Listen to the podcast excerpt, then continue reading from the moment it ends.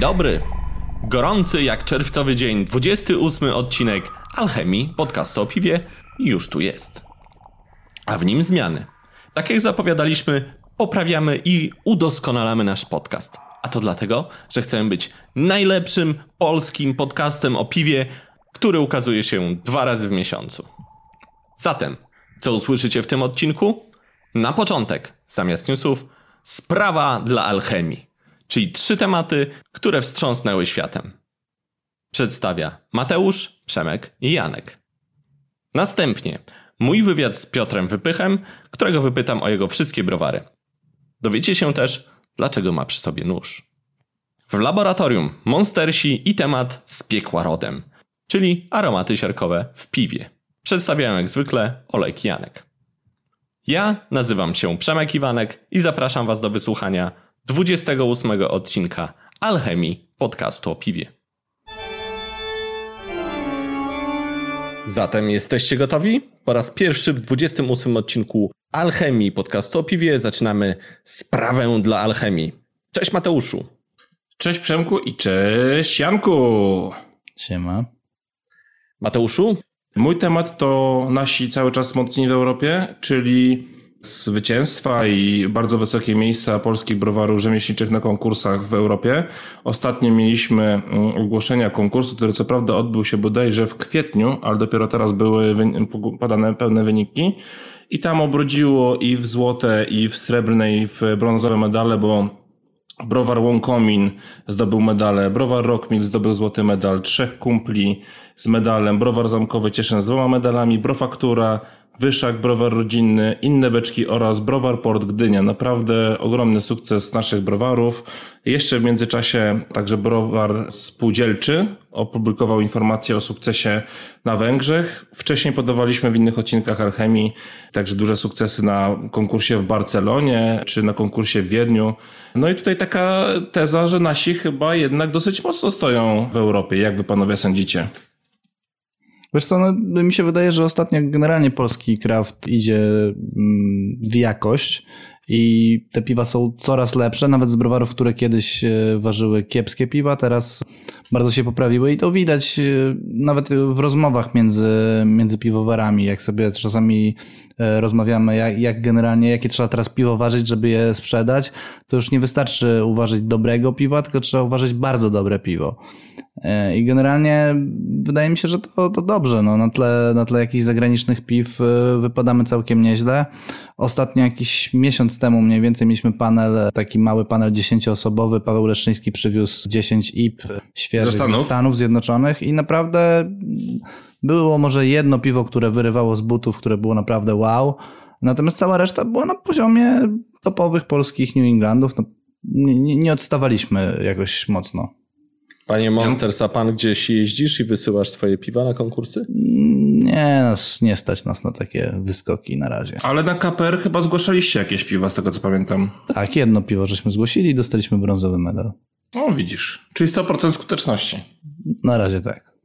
No dobrze, dobrze, ale wróćmy jeszcze do konkursów, no bo ja będę musiał oczywiście wepchnąć szpilkę, żeby nie było tak kolorowo i lukrowato, żebyśmy się nie zasłodzili za mocno.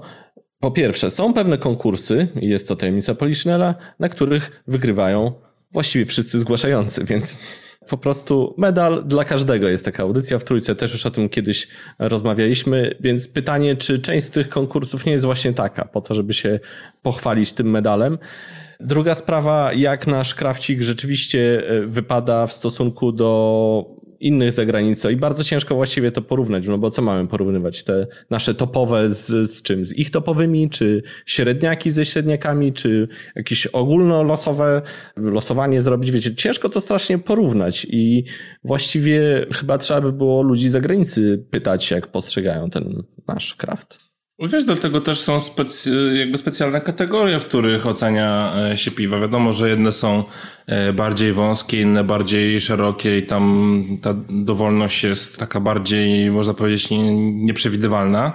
E, Są też oczywiście pewne zarzuty pod tytułem KPR, gdzie tych kategorii jest naprawdę bardzo dużo, bo jest chyba 48 było w 2018 roku, czyli tak jak wspomniałeś, że każdy może coś wygrać, chociaż tak nie, okay, bo tam było 600, 630 zgłoszeń, więc yy, nie do końca.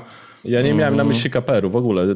Myślę, że są inne konkursy nawet w Ale Polsce, pamiętam, że były zastrzeżenia pokazać. takie pod, pod, gdzieś na Jeważce czy na Jepiwce były zastrzeżenia pod kątem KPR-u, że jest bardzo dużo kategorii. No dobra, ale to nie, nadal nie wszyscy wygrywają, a natomiast są konkursy, w których naprawdę każde jedno zgłoszenie otrzymuje jakąś tam nagrodę. Sam kiedyś miałem e, przyjemność brać w takim udział, akurat za granicą i, i byłem zdziwiony, że wszyscy dostali jakieś medale, a niektórzy po kilka. Także... Ale te, e, te, te konkursy, o których Mateusz mówił, chyba nie były takimi konkursami. Tak mi się wydaje, że to były konkursy, których jednak frekwencja była całkiem spora. No tak, na KPR było, tak jak wspominałem, 630 zgłoszeń na 48 kategorii, no... A jak tam w Portugalii, wiesz? W Portugalii coś podobnego też chyba było. W, nie wiem, czy w tej chwili znajdę tą informację, ale też było sporo tych, sporo e, tych kategorii. Jakaś konkluzja w takim razie, Mateuszu? Takie konkursy są dobre, dlatego że mm, chociażby konsumentom, którzy mogą być zagubieni w tej bo, tym bogactwie, które w tej chwili jest na polskim rynku po wielu latach posłuchy, e, jest jakiś drogowskaz dla konsumenta, co może być sprawdzonym produktem i po co można w ciemno sięgać na półki, chociaż też wiadomo, że warka warce nie, nierówna, także trzeba to trochę brać z przymrużeniem oka, natomiast jest to dobry do, drogowskaz, e, jeżeli szukasz czegoś dobrego na półce, a za bardzo się nie znasz. Ja myślę, że te zagraniczne też pokazują nasz produkt za granicą i to jest bardzo dobre. To, że robimy dobre polskie piwa. To na pewno. To jest y, na pewno za granicą nieoczywiste dla ludzi, którzy są w branży od wielu lat, nie tylko od tych powiedzmy 8-9. Są po prostu często, często w szoku, że w Polsce są tak dobre piwa i naprawdę za bardzo dobrą cenę, bo nasz kraft w stosunku do kraftu na zachodzie, chociażby we Włoszech czy w Hiszpanii, jest tanim piwem. Zatem bardzo dobrze, że nasze piwa wyświetlają się za granicą. Janku, jaki jest Twój temat? Mój temat też jest e, około konkursowy. Chciałbym zahaczyć o, o jakby o, o zasadność przyjmowania do konkursu dużej ilości zgłoszeń. E, nie chcę tutaj stawiać tezy, natomiast chciałbym Was zapytać, czy uważacie, że konkurs, największy konkurs PSPD, jeden z większych konkursów piw w, w Europie w ogóle, czy da się przesędziować... Piw domowych. Piw domowych, tak. Czy da się przesędziować 671 piw rzetelnie od początku do końca, tak żeby wyłonić rzeczywiście najlepsze piwo? Bo ja mam pewne wątpliwości, nie brałem udziału e, w tym roku w, w sędziowaniu, więc nie wiem jak to wyglądało. Wy macie na pewno większą wiedzę na ten temat i powiedzcie mi, czy, czy czuliście, że, że zrobiliście dobrą robotę, że zrobiliście to na 100% i czy, czy uważacie, że, że, że to ma sens? No wiesz, ja jestem nie za bardzo obiektywny, bo jestem jakby głównym organizatorem tego konkursu, więc może niech Przemek najpierw się powie, a wypowie, a ja e, może dodam coś od siebie albo zaprzeczę. Mm, czy rzetelnie? Jeśli tylko ocenę sędziowską uważasz za rzetelną, to myślę, że robota była zrobiona dobrze, jeśli o to pytasz. E, natomiast czy taka duża ilość zgłoszeń jest problematyczna? Oczywiście, że jest. Natomiast nie wiem, ile było najwięcej piw w jednej kategorii. Chyba około 70. Mateuszu, dobrze 70 było w American Wicie. No właśnie. I podzielone to było na trzy komisje? Trzy komisje. Pamiętam?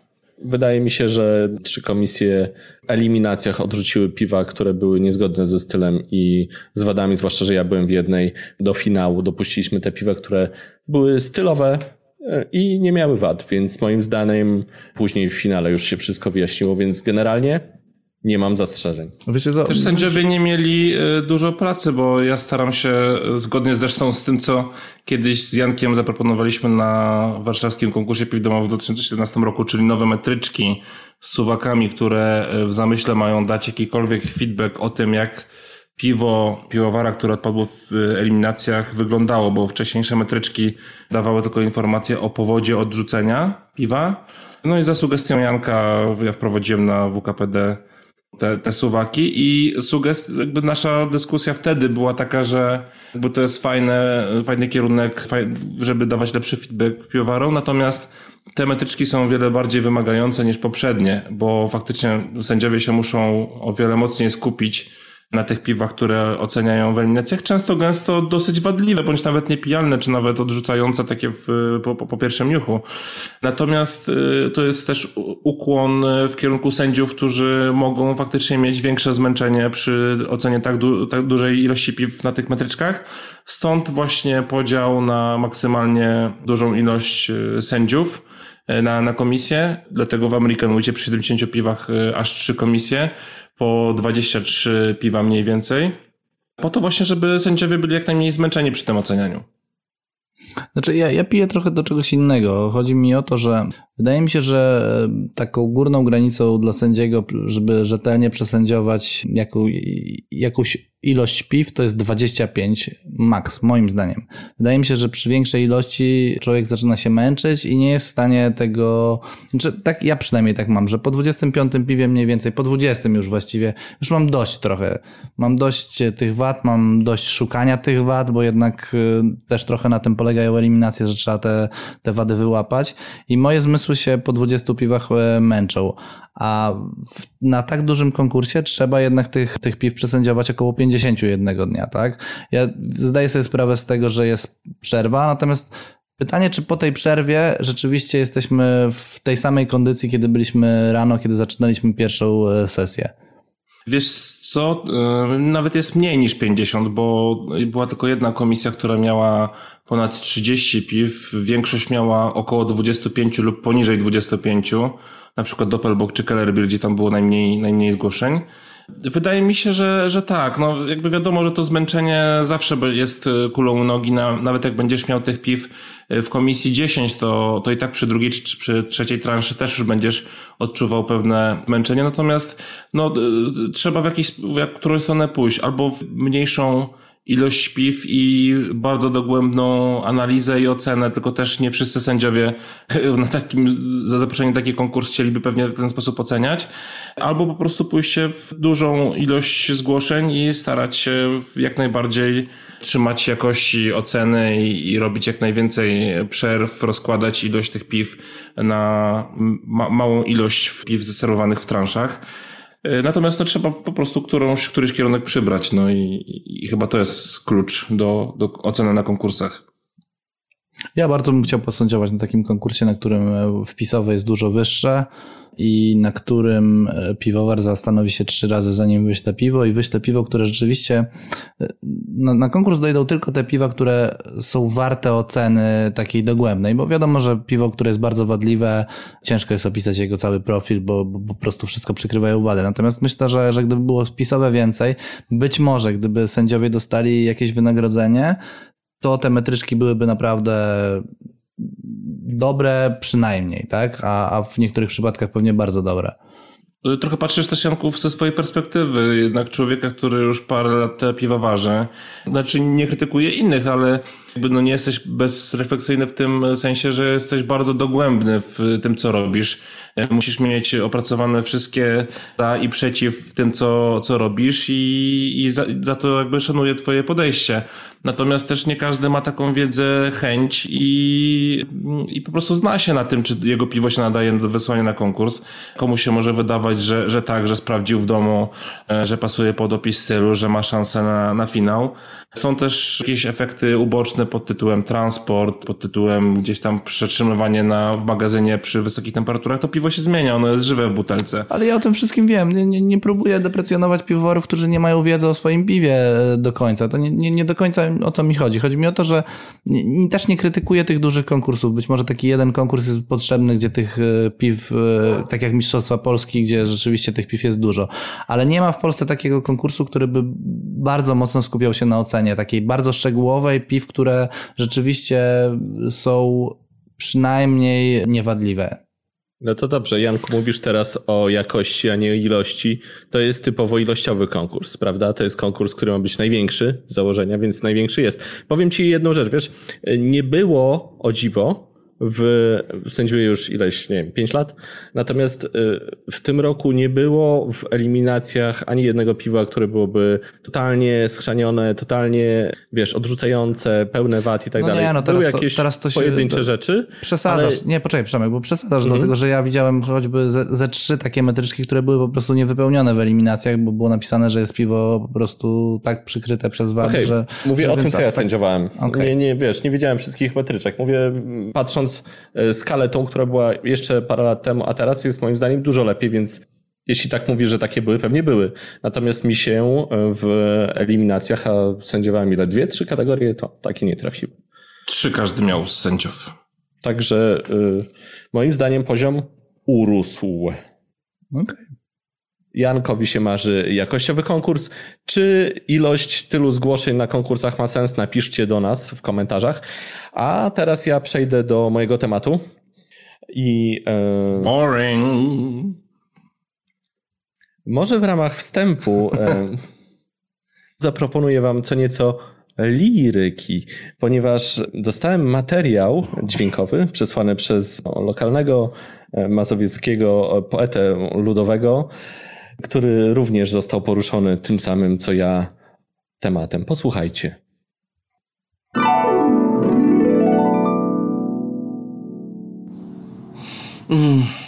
Papa, papa di parpa. Papa, żegnaj, wojowniku, sumienie społeczeństwa, granico wolności, tarczo prawdy, mieczu społecznej sprawiedliwości, zbrojo trzeźwości, kagańcu oświaty, żelazna dziewico, do połowy pusty pokalu nieprzefermentowanej brzeczki. Żegnaj nam, będziemy kontynuowali twoją nierówną walkę z alkoholem.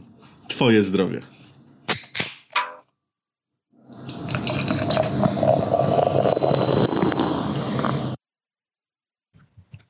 Prawda, że chwytało za serce?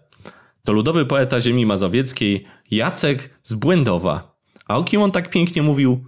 Otóż o Krzysztofie B., czyli byłym już dyrektorze PARPy, Państwowej Agencji Rozwiązywania Problemów Alkoholowych, bo to ona jest dzisiejszym trzecim tematem. Pan Krzysztof to barwna postać. Zasłynął m.in. projektem wprowadzenia kartek na alkohol, sypaniem danymi prosto z rękawa oraz takimi twierdzeniami jak na przykład, że picie drogiego wina nie różni się niczym od spożywania denaturatu. I wiele innych takich złotych myśli. Choć trzeba przyznać, że czasami miewał rację, jak w przypadku małpek, czyli małych pojemności kolorowych wódek, z których nadmierną konsumpcją jest w naszym kraju spory problem. Niestety złotousty pan Krzysztof został odwołany. A ja postanowiłem przyjrzeć się samej agencji. Zacząłem od sprawozdań merytorycznych i finansowych. Jak sądzicie, jaki jest roczny budżet parpy? 16. 100, 100 milionów rocznie.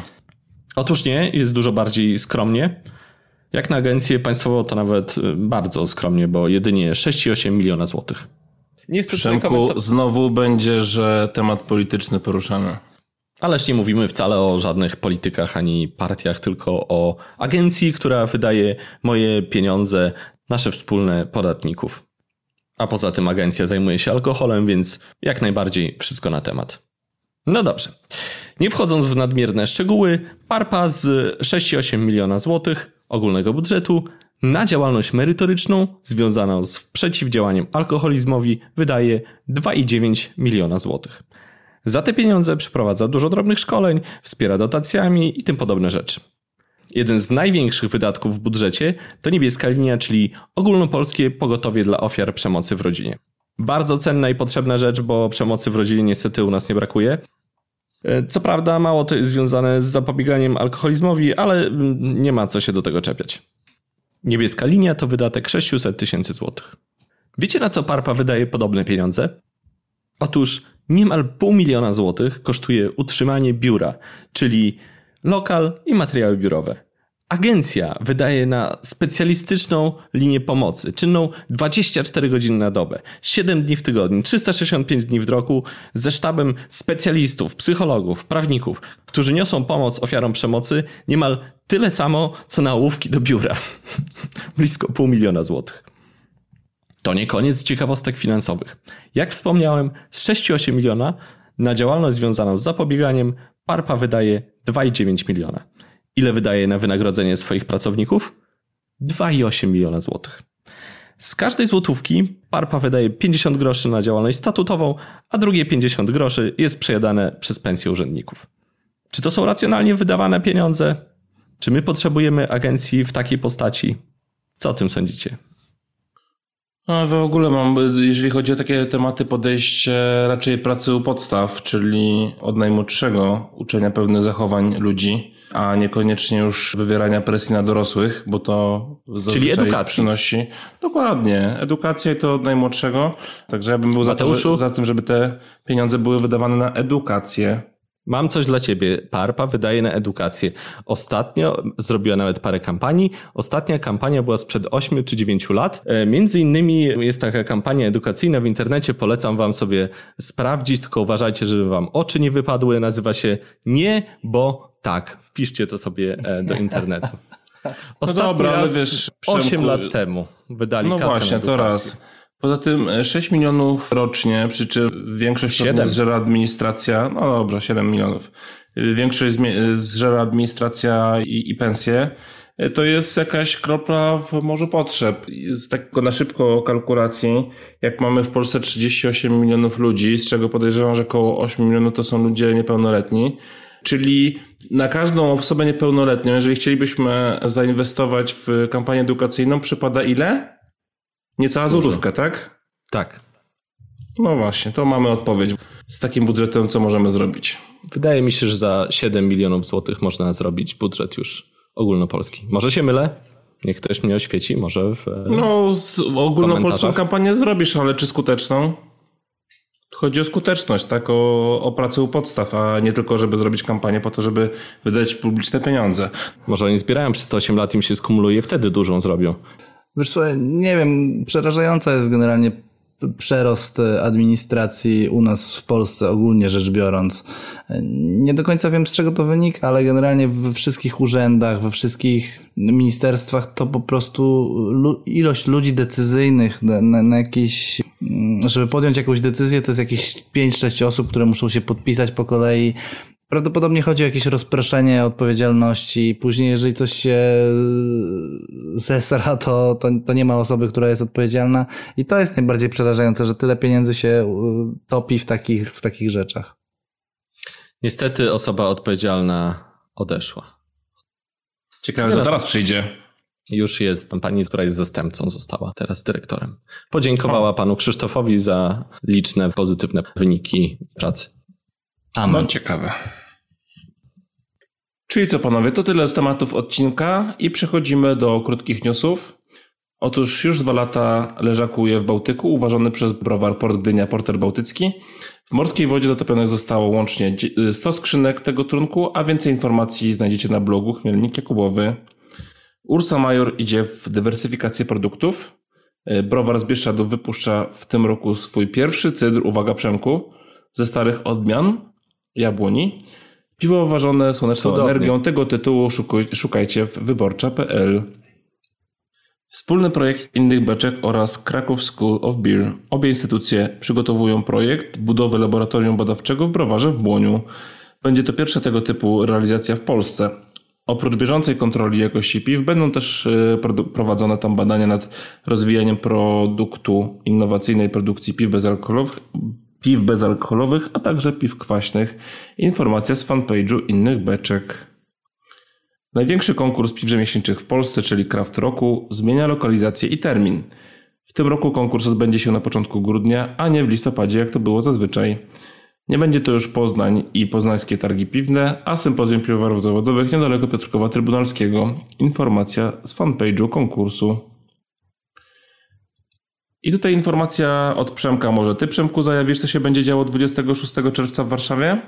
26 czerwca w Warszawie odbędzie się konferencja producentów cydrów rzemieślniczych, także po raz pierwszy spotkamy się po to, żeby sobie podyskutować e, na poważnie o rynku, o tym, co się dzieje, o tym, jak cydry mają dalej funkcjonować na naszym rynku. Nazywa się Czas na polskie cydry rzemieślnicze, bo uważamy, że przyszedł na nie czas. Więc jeśli jesteś cydrownikiem, interesujesz się produkcją cydru lub ze strony mediów interesujesz się cydrem, to zapraszamy serdecznie. I krótka informacja z zagranicy. Otóż mnisi z opactwa Grimberg wznawiają produkcję piwa według receptury z XII wieku.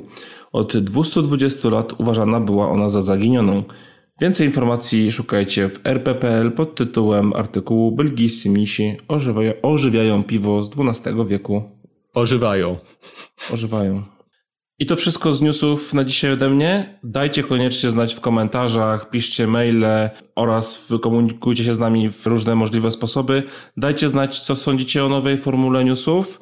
Czy podoba Wam się taka pogawędka oraz y, newsy o krótszej zawartości informacji? W tym odcinku nie będzie informacji o pubach, o urodzinach, o festiwalach i konkursach. Dajcie znać, czy Wam będzie brakowało tych informacji. Postaramy się to przeanalizować i zobaczymy, jak będzie wyglądało to w kolejnym odcinku. Dzięki. Dziękuję Ci bardzo, Mateuszu. Dziękuję Ci bardzo, Janku. Przejdźmy zatem do wywiadu z Piotrem Wypychem. Jesteśmy właśnie w Jabberwocky, a właściwie w juniorze. Obok mnie siedzi Piotr Wypych, znany również jako Koder. Cześć. Dzień dobry, cześć. Piotrku, jesteśmy tutaj troszkę nie bez przyczyny, bo swoje losy też związujesz z browarem Jabberwocky, zgadza się? No tak, teraz na moja na, najbardziej intensywna działalność zwiąże się z, z browarem Jabberwocky. Na razie no, zajmuję się głównie budową i takimi sprawami budowlano-organizacyjnymi, no i częściowo też browarem kontraktowym, który już tam za, od, odpaliliśmy, żeby nie musieć czekać na, na otwarcie browaru z, z, z przecieraniem szlaków sprzedaży handlowych. Dobrze, to jeszcze pogadamy na ten temat, a teraz zacznijmy od samego początku. Obejrzałem sobie wywiad twój właśnie z Rafałem Kowalczykiem, pewnie też nakręcony tutaj. Tak. I on tam ciebie nazywa dinozaurem. Tak. Co nie jest takie zbyt pochlebne, bo. Nie, no, dlaczego? No. no pionierem można by nazwać. Pionierem, ale... tak. No bo tak troszkę mnie to zastanowiło, że dinozaurem można zostać na rynku, który ma, nie wiem, 6 lat, 7 lat? Ten... Tak. I już po... można zostać dinozaurem. Co to było za 6 lat? Naprawdę szyb, szybko się wszystko potoczyło. Metabolizm szybszy. W takim razie powiedz, od kiedy ty właściwie się zajmujesz piwem? No, piwowarstwem domowym zajmuję się od 2006. To, to są były czasy jeszcze browar Bizuń no, zupełnych początków, może nie zupełnych początków, bo zaczęło się od Brochomotora bodajże w 2002, także ja już wszedłem no, parę lat po, po tym, jak już tam pewne, e, już były jakieś konkursy piwowarskie, już było jakieś, jakieś środowisko piwowarskie, no ale jeszcze, jeszcze w to wszedłem i tak na, na samym początku piwowarstwa domowego coś tam robiłem. Były wtedy bodajże dwa czy trzy konkursy rocznie piwowarskie, wszystkie, wszystkie kategorie żeśmy obstawiali i, i wszystko żeśmy no, starali się zdobyć jak najwięcej e, nagród i tak dalej. No, bardzo takie małe, miłe e, towarzystwo było wtedy. Tak się powoli to wszystko działo. A ktoś był przed tobą jeszcze? No jak ja weszłem, to już był, był w tym towarzystwie Tomek Kopyra, no był Ziemek oczywiście, Fałat, był, no było trochę takiej sta troszkę starszej gwardii ode mnie. Było parę osób, które się już wy wykruszyły i o których nie słyszę. Wielki B na przykład był no, taki znany człowiek na, na Browarbizie. Pozdrawiam, jeżeli słyszysz. Bardzo nam się miło e, dyskutowało. Marusia już wtedy była no, taka stara gwardia, dinozaury. No dobrze, to skąd to piwo w ogóle ci się wzięło? No bo ja mogę opowiedzieć o sobie, bo ja jako, że zostałem wykształcony jako e, technolog spożywczy i tak dalej, a piwo jest produktem spożywczym, to dla mnie to była jakaś naturalna droga, dlaczego się zainteresowałem. Ale tobie skąd się wzięło piwo? No mnie zafascynował proces. Może to, to dziwnie brzmi, ale ja to rozumiem. Tak? Ja to rozumiem. A, no to ja też się zainteresowałem, bo mi się podobało, jak to powstaje. No jest, jest w tym coś takiego magicznego, że najpierw się wrzuca mąkę do wody, czy tam jakieś ziarno, a to się zmienia w cukier. A potem dorzucasz drożdży i to się zmienia w alkohol. I, i jeszcze po drodze się dzieje mnóstwo magicznych rzeczy, tak chmielenie, estry, zapachy, smaki. No, niesamowite to było. Właśnie głównie ta, ta technologia i ten, ten proces mnie zafascynował, nawet nie, nie, nie, nie samo piwo, bo takim zapalonym piwoszem to wcale nie byłem. No i, i tak poszło. Magiczny proces, że nagle z niczego powstaje coś, co da się wypić, jest tak. smaczne i wszyscy tego chcą. I tak, to, to, nie takie byle co jeszcze, no, takie, taki napój dający szczęście, można powiedzieć. To. Ale widzisz, niektórzy w swojej pasji zatrzymują się na jakimś etapie. Jeśli ktoś, nie wiem, ma pasję do piwa, Mhm. to e, na przykład odwiedza jakieś miejsca, podróżuje, zbiera etykiety. Natomiast o tobie ciężko powiedzieć, że jesteś pasjonatem, skoro otwierasz który już browar? Albo Trzeci, no tak. Trzeci. No u mnie to się z- z- Taka już zbiegło. zaawansowana pasja. Jak to w ogóle nazwać? Nie, to u mnie to się zbiegło z takim genem, można powiedzieć, przedsiębiorczości, no bo lubię robić różnego rodzaju interesy, lubię e, e, rozbudowywać coś, e, tworzyć, patrzeć jak, się rozwija. No mam taki gen przedsiębiorczości. Można powiedzieć, no jak mam, mam pieniądze w kieszeni, to, to mnie parzą. Muszę w coś zainwestować i coś robić. No, i ca, cały czas tym obracać. No i to się tak zderzyło z tym, z tym piwowarstwem. No i no, też był taki piękny moment, kiedy był, był pusty rynek, kiedyś zupełnie zaczynało od zera ten, ten kraftowy rynek piwowarski. No to też, też bardzo fascynujące to jest patrzeć, jak się gałąź gospodarki e, jakaś tam może nie za duża, ale, ale jakaś tam nisza się rozwija na, na moich oczach i ja jeszcze mam w tym swój udział, Sie- siedzę w samym środku tego. I poniekąd ją kreujesz też. Tak, no, no to, to, to, jest, to jest piękne. Rzeczywiście no, zaczynaliśmy. E, no był taki ferment w, w środowisku już w, ty, w tych latach, powiedzmy, no, począwszy od Pinty, od, od tych, nawet jeszcze wcześniej, od tych, tych takich festiwali w, w Żywcu, gdzie ca, cały czas coś się działo i każdy tam nosił tą buławę marszałkowską w tornistrze i myślę, a może ja bym jakiś tam browar otworzył, a może bym tutaj, a może by tu jakoś zalegalizować te, te garnki, które, które, którymi ja ważę, może. I tak każdy coś tam kombinował i no, no i w końcu poszło. No. Najpierw Pinta, z, potem drugą, e, potem był Ale Browar, potem e, swoją drogę wybrała Agnieszka Łopata, która już z grubej rury postanowiła na, na Zielonej Łące postawić od, od zera wielki browar. No i wtedy my żeśmy też w trójkę się zebrali i, postanowili taki garażowy browar zrobić. To jest też zupełnie nowa, nie, nie, nowa ścieżka, nie, przez nikogo nie, prze, nie przedeptana.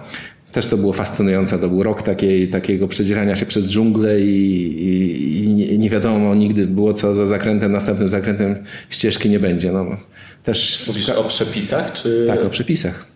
No, my budowę browaru zaczęliśmy od tego, że poszliśmy do Urzędu Gminy w Grodzisku. Spytaliśmy się pani sekretarki, chcemy otworzyć browar. Gdzie mamy pójść najpierw? Ona mówi, no ja nie wiem, no może, to może do ochrony środowiska. I poszliśmy do ochrony środowiska. A chcemy otworzyć browar. Czy mam, musimy od państwa mieć jakieś pozwolenie? Ależ oczywiście, proszę, to są formularze, trzeba złożyć to, tamto, wam to. I tak po, to był pierwszy krok i, i tak po, po kolei, po kolei potem się okazywało, że a jeszcze potrzeba to, a na to jeszcze dwa miesiące trzeba poczekać, a to jeszcze tamto. I tak jak tylko żeśmy już odpalili browar, to usiadłem do komputera, spisałem krok po kroku wszystko, co, wszystko cośmy przeszli. Zamieściłem w internecie taki poradnik i, i mam nadzieję, zresztą no, mam pewność, że wielu osobom to pomogło, bo przy, przychodziło i dziękowało, że, że ten... Że Całe mnóstwo osób to widziało, na pewno, bo ja też. no. I oni już mieli łatwiej. Zresztą nawet jakby już mieli taką jednobitową e, informację, że to się da zrobić, no to już inaczej się wchodzi w tą dżunglę, jak wiadomo, że po drugiej stronie jest, jest życie i że da się, da się przez to przejść. Także fajne, pionierskie czasy to były. To zróbmy przegląd Twoich browarów, Twoich udziałów. Od czego się wszystko zaczęło? Bo wspominałeś o artezanie, ale chyba nie był pierwszy artezan, tak? Bo chyba jeszcze i Ursa Major była po drodze. Tak, tak. No tak się z Agnieszką się tak zastanawiałem, czy, czy tam wejść w ten, w ten interes jako taki inwestor, no duży, strategiczny, że tak powiem. Ale w końcu się przestraszyłem tego, bo to jednak gdzieś tam na końcu świata, w tych Bieszczadach, nie mam w ogóle wglądu w te w, w okolice, w, w, uwarunkowania biznesowe. Pomyślałem sobie, że jednak nie, nie zaryzykuję większych pieniędzy, żeby w to włożyć, tylko taki symboliczny pakiet akcji sobie kupiłem, żeby, no, żeby być w tym jednak od początku. No ale skoro już zacząłem w to inwestować, no to się środowisko, że to w środowisku się rozniosło, że ja mam pieniądze, które chciałbym zainwestować w browary, no i wtedy przyjechał do mnie Darek Doroszkiewicz z, z takim właśnie śmiałym projektem, żeby zrobić w garażu ten e, browar. Wszystko miał już wyliczone, opracowane, obmyślane. Wyszło mu, że nie mniej, nie więcej, tylko 100 tysięcy to będzie kosztować. No I całkiem się dobrze strzelił jak na polskie warunki. Mniej więcej dwa razy tyle kosztowało, może dwa i pół razy tyle.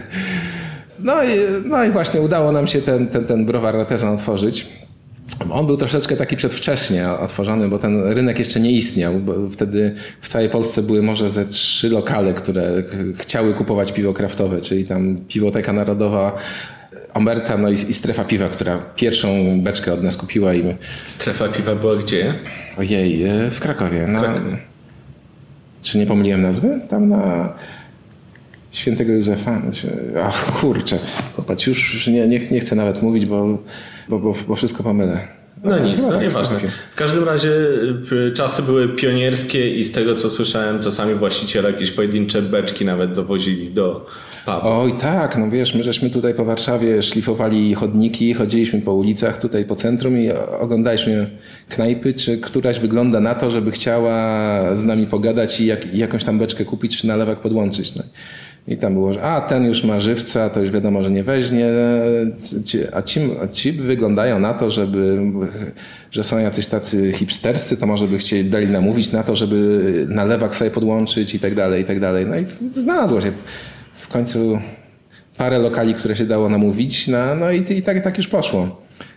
No już rynek tak się dobrze odetkał, jak, się, jak już powstały pierwsze multitapy w Warszawie, bo na, na początku to najbliżej mieliśmy do Łodzi, do jakiegoś multitapu, gdzie można było jakieś premiery zrobić, czy, czy krano prze... Nie było jeszcze wtedy krano przejęć, to, to Pinta wynalazła je dopiero chyba rok, rok później. Ale jakieś premiery, jakieś takie e, eventy, to żeśmy robili właśnie w Piłotece Narodowej w, w Łodzi. Czyli mamy już y, dwa browary. Trzeci był łańcut. No tak, no, dwa i pół to był jeszcze ten, ta przeprowadzka do Błonia, bo to też nie było takie oczywiste. No ten browarek garażowy dobrze nam się rozhulał, już żeśmy robili cz- cztery warki w tygodniu, wszystko chodziło na, na, na pełnych obrotach. Nawet nie było co butelkować, bo na pniu wszystko brali w, w kegach. To złote czasy się zrobiły, no więc pomyśleliśmy, że wła- właściwie nie, to znowu się pojawia tutaj Ursa Mayer, bo wtedy Ursa zrobiła dodatkową emisję akcji. I ja sobie powiedziałem, no, że chcę, chcę dokupić akcje, bo znowu mam pieniądze, nie, nie, nie lubię jak, jak one leżą i nie pracują, no więc dokupię sobie udziałów w Ursie Mayer. No i wtedy wspólnicy z Artezana powiedzieli, no to może byśmy pomyśleli o czymś, żeby coś większego kupić. No i zaczęliśmy się rozglądać za, za jakimś tam e, halą. No i okazało, znowu żeśmy wyliczyli, że będzie to kosztować 300 tysięcy. Znowu kosztowało trzy, mniej więcej trzy razy więcej. Ale no i przenieśmy się do tego Błonia. To też była no, wielka przygoda. No, duży, piękny browar, już nie jakiś garażowy ze złomu spawany, tylko z, z nowiutkim sprzętem czes, czeskim, półautomatycznym. To, to było, no kurczę, to jakbym sobie Ferrari kupił niemalże. To też było, też była bardzo fajnie. No, zaczęliśmy coś tam ro, rozwijać się. To były takie no, złote lata. Ten 2014-15 to w zasadzie wszystko się sprzedawało znowu na pniu. Wydawało się, że, że już ten rynek no, nie, nie ma limitów żadnych.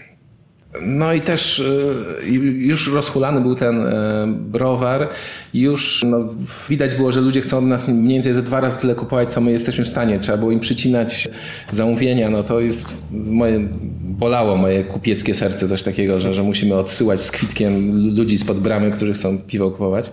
No i bardzo chciałem rozwijać ten browar, tym bardziej, że no, miał, miał możliwości, miał miejsce, no już chciałem w to zainwestować te też, też pieniądze, ale jakoś nie, nie potrafiłem do tego sp- wspólników przy, przekonać, no więc znowu, no, znowu miałem ten efekt, że, że, że pieniądze mnie parzyły w kieszeni, żeby to gdzieś za, zainwestować. A i na którymś tam festiwalu spotkałem Jacka Michnę, bardzo dobrego piłowara domowego, z którym się do- dobrze znałem też z tych, tych czasów, Też starych czasów. starych czasów, a jest troszeczkę później zaczął o, o, niż ja, pamiętam. Ale za to z przytupem przysłał, jak tylko pierwsze piwo wysłał na konkurs, od razu tam pierwsze miejsce czy drugie zajął natychmiast swoim tam koźlakiem. Także że było widać, że, że, że, że, ma rękę do tego.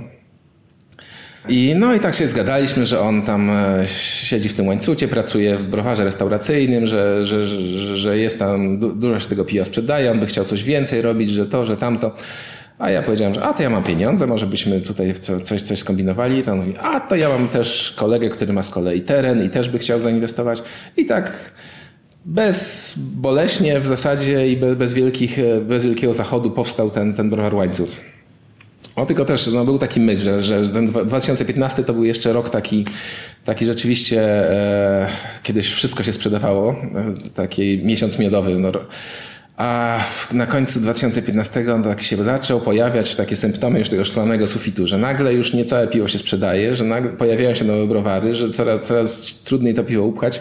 Jak my żeśmy w połowie 2016 weszli na ten rynek, no to już okazało, że jest nieźle taki, nieźle zapchany. To mieliśmy cięż, rok takiej ciężkiej pracy, żeby e, żeby się przepchać przez, przez ten rynek, żeby jakoś tam zaistnieć. No a tam powolutku się udało.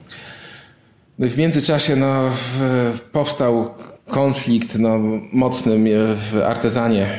A może nie będę wynikał w te, w te szczegóły. No, grunt, że no, praca się zrobiła no, taka no, piekielnie nie, nie, nieprzyjemna atmosfera i w końcu sobie pomyślałem, że co ja za, za swoje pieniądze mam sobie kupować takie stanowisko pracy, jak, jak w korporacji, chodzić codziennie zęby zaciskać i się kłócić od rana do wieczora, to już lepiej plunąć na to i zacząć od początku. No i też znowu się tak zdarzyło, że zgadałem się z, z Rafałem Kowalczykiem, właścicielem Jabberwocky, że, że on bardzo chce otworzyć swój własny browar. No i, że, I to już punkt cztery nadchodzi, tak? Tak, można powiedzieć czwarty, tak. No i tak sobie pomyślałem, chętnie wymienię tego artezana na coś nowego. Zaczniemy od zera e, z większym rozmachem, z, lepszym wspólnikiem i e, może coś z tego fajnego wyniknie. No i teraz jesteśmy tak w pół drogi do, do otworzenia Jabberwocky. Widać już mniej więcej kres, wygląda na to, że dopłyniemy do, do brzegu, nie, nie utoniemy. W miarę dobrze to wygląda co dalej? No to, to, będzie, to będzie tyle. No, no liczę, że, że, że, będziemy ten browar Jabberwocky rozwijać, bo on jest takim bardzo dużym rozmachem rozpoczęty i to jest na, na, na dziesięciolecia obliczony taki interes na rozwijanie tego. No myślę, że to dopiero nasze dzieci do, do, dokończą naszą pracę w, w budowaniu tego browaru. Będzie ostatni? No, sądzę, że tak. No, mam, mam już swoje lata, już nie, nie sądzę, żebym chciał e, kolejną inwestycje od zera zaczynać. A nie chcesz zbudować imperium jak na przykład e, nasz pan poseł Jakubiak? Małe imperium już mam, także będziemy go po, po, powolutku rozwijać. A nie marzy ci się właśnie, nie wiem, średnie browary, więcej jakaś Ale jak najbardziej. Tak, tak, właśnie jest zaprojektowany browar Jabberwocky. On nie będzie wielkim browarem na początku, tak jest tak, zaczniemy od 2-3 tysięcy, ale wiesz, tam jest działka hektarowa, jest się gdzie rozwijać. Wszystkie, wiesz, plany robimy w ten sposób, żeby się dało dobudowywać hale, komunikacje i tak dalej, żeby, żeby ten browar mógł osiągnąć bo ja wiem, 20, 50, 200 tysięcy, ile, ile się da. No. Będzie, tylko tak jak ci mówiłem. No, tak ja jak nie... w Lechu, no, w Poznaniu.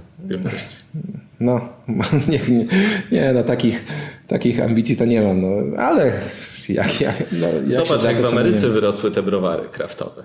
No właśnie dlatego też nie, e, nie chcę kategorycznie zaprzeczać, że nie będę miał niczego takiego, co... co, co Ale byś nie miał nic przeciwko. No nie, wiesz, cieszy no mnie jednak ten biznes. No. Na początku myślałem, że, że, wystarczy mi jakiś mały garnuszek, 500 litrów czy 1000, ja sobie tam będę kręcił, robił piwko, zawoził, cieszył się, że ten... Ale teraz, jest, teraz już mnie cieszy coś innego. Lubię jak się, się kręcą kółka, jak, jak te butelki się napełniają, jak się streczuje palety, jak tiry wyjeżdżają. To, no i to, to jest piękne. Pierwszy, pierwszy raz, bardzo mnie to cieszy, pierwszy raz ktoś z tego kraftu przyznał, że nie miałby nic przeciwko, żeby mieć duży browar. Ja to bardzo szanuję, ja to rozumiem, bo gdyby mi ktoś dał garnek żywca, do, żebym mógł sobie piwo uważać na nim, to byłbym po prostu skakałbym do góry z radości, byłbym przeszczęśliwy. Więc cieszę się, że, że masz takie podejście. Wrócę jeszcze do e, łańcuta, jeśli tak. pozwolisz, dobrze? No bo jednak mm, widzisz wiele osób, w tym również ja przed tym wywiadem, e, spodziewałem się, że łańcuch to jednak ty, że to twoje piwa, że ty tam siedzisz, że właściwie mm, mhm. to ty jesteś kołem napędowym tego browaru, a tu chyba nie do końca tak jest. No nie, nie. E, jeżeli chodzi o piwowara i to, e, o piwa, no to najwięcej ręki do tego przykłada piwowar, czyli Jacek Michna. No. Często te, te stanowiska piwowara i warzelanego są rozdzielone, czyli jest piwowar, który pracuje koncepcyjnie, tworzy te piwa i tak z grubsza ma taki nadzór nad, nad taki brewmaster, który ma nadzór nad tą, tą, pracą, no i jest taki piwowar warzelany, który siedzi przy, przy garach, no i tylko to miesza i prze, przepompowuje i tam e, myje, czyści i pilnuje tego procesu. No, w łańcucie są akurat połączone funkcje, No, tam głównie i, i koncepcja piwa, i, wykonanie pochodzi od, od, od Jacka Michny, no i on to robi. No, konsultuje się tylko ze mną czasami co do receptury, co do rodzaju piwa. No, no i ja dużo pomagam w takim no, no, sprzedaży tego piwa, w takiej koncepcji marketingowej, co, co robić, gdzie sprzedawać, gdzie bywać, jak. No, no to, na tej całej otoczce sprzedażowej, że tak powiem, piwa. Czyli nie ma tam twojego piwa, które by było od początku do końca, czy może jakieś jest? No nie, nie. Najwyżej mogę do, się przyznać, że do, do, tam do paru, pa, paru receptur rękę przyłożyłem, ale nie ma takiej receptury, którą bym ja od początku do końca wymyślił i tam wykonał. Zresztą nie ma w tym nic dziwnego, bo ja jestem piwowarem trochę takiej starej daty. Ja potrafię dobrze zrobić pilsa, czy tam dunkla, czy, czy koźlaka, czy no, dubla może, ale już w tych nowych piwach to się zupełnie nie czuję. To, to już mu, musi to ktoś inny e, robić.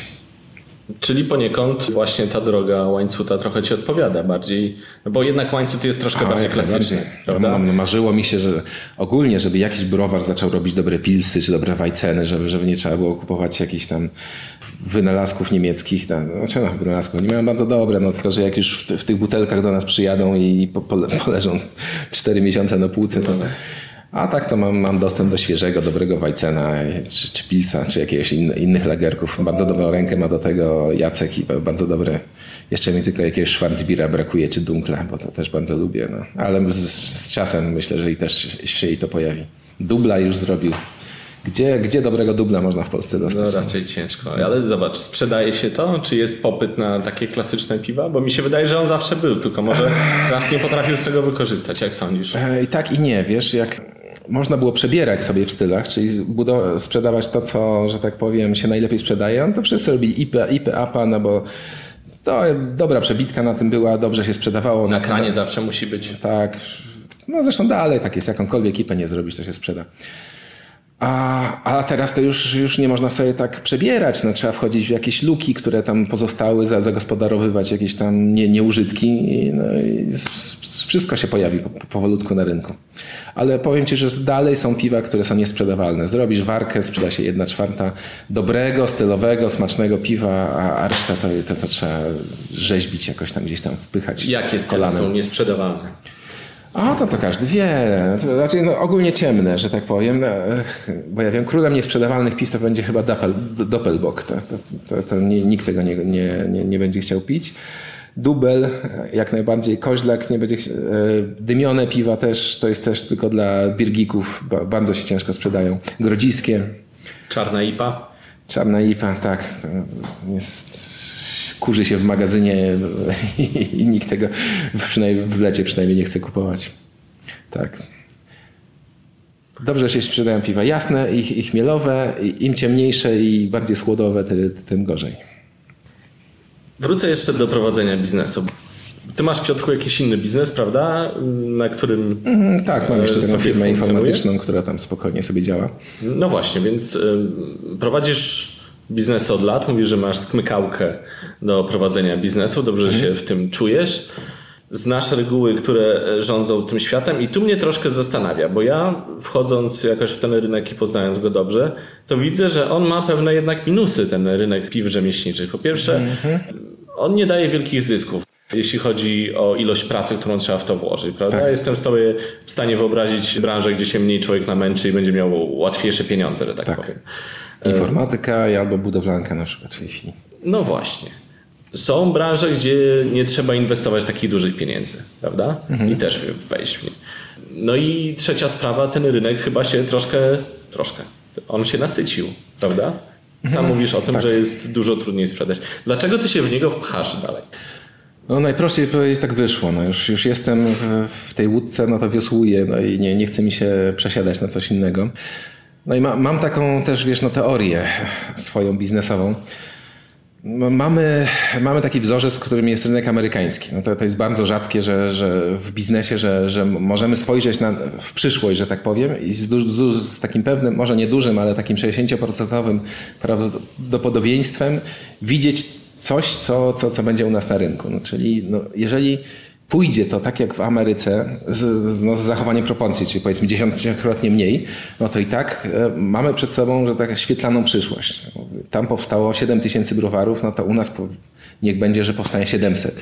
Udało im się za, zawojować 20% rynku piwnego, no to u nas niech chociaż te 2% jak zawojujemy, no to będzie i tak dwukrotny albo czterokrotny wzrost. No, czyli jeszcze coś tam przed nami się się pojawi. No. Sądzę, że no tak jak zwykle biznes nie, nie rozwija się tak liniowo, tylko takimi falami, e, szarpnięciami. No. My, myślę, że, że po, czeka nas jeszcze kilka takich fal, na, na, których wszystkie łódki popłyną. Po prostu trzeba spuścić te łódeczki na wodę, czekać na falę i, i będzie coś takiego, że popłyniemy szybko i daleko. Czyli jesteś optymistą? No, jak najbardziej. No inaczej bym, bym nie, nie wchodził w to. Zresztą tak jak ci mówiłem, no ten, ten, ten interes to już jest dla mnie taki obliczony na, na, na, na długie, na, na, na dekady. No, mam nadzieję, że uda się nam stworzyć coś takiego, że to będzie e, interes no, pokoleniowy, że, że nasze dzieci to przejmą, będą rozwijać. No, no, piwo to jest coś takiego, co się zawsze produkuje i zawsze używa. No. Czasem mniej, czasem więcej, no ale te browary istnieją w zasadzie od zawsze, od tysięcy lat, no więc, więc to nie, nie będzie coś, coś, co się znudzi i zostanie zastąpione przez, bo ja wiem, e, sznapsa czy, czy, czy, czy, czy, czy coś tam innego. Chyba, że nam e, państwo zlikwiduje, jak zobacz, nikotynę zlikwidowało. Nie boisz się tego trochę? No, już były próby w czasie prohibicji w, w Stanach no i nie wyszło. Tak, tak ale to było gwałtownie. A zobacz, papierosy odcina się metodą salami po plasterku. Po troszeczku. No i jakoś nie odcięli, kurczę. dalej te papierosy są i ludzie to palą i, i mają wiesz co, jakieś tam ryzyko jest. No nie ma, nie ma biznesu bez ryzyka. No. Im większe ryzyko, tym większe zyski. No.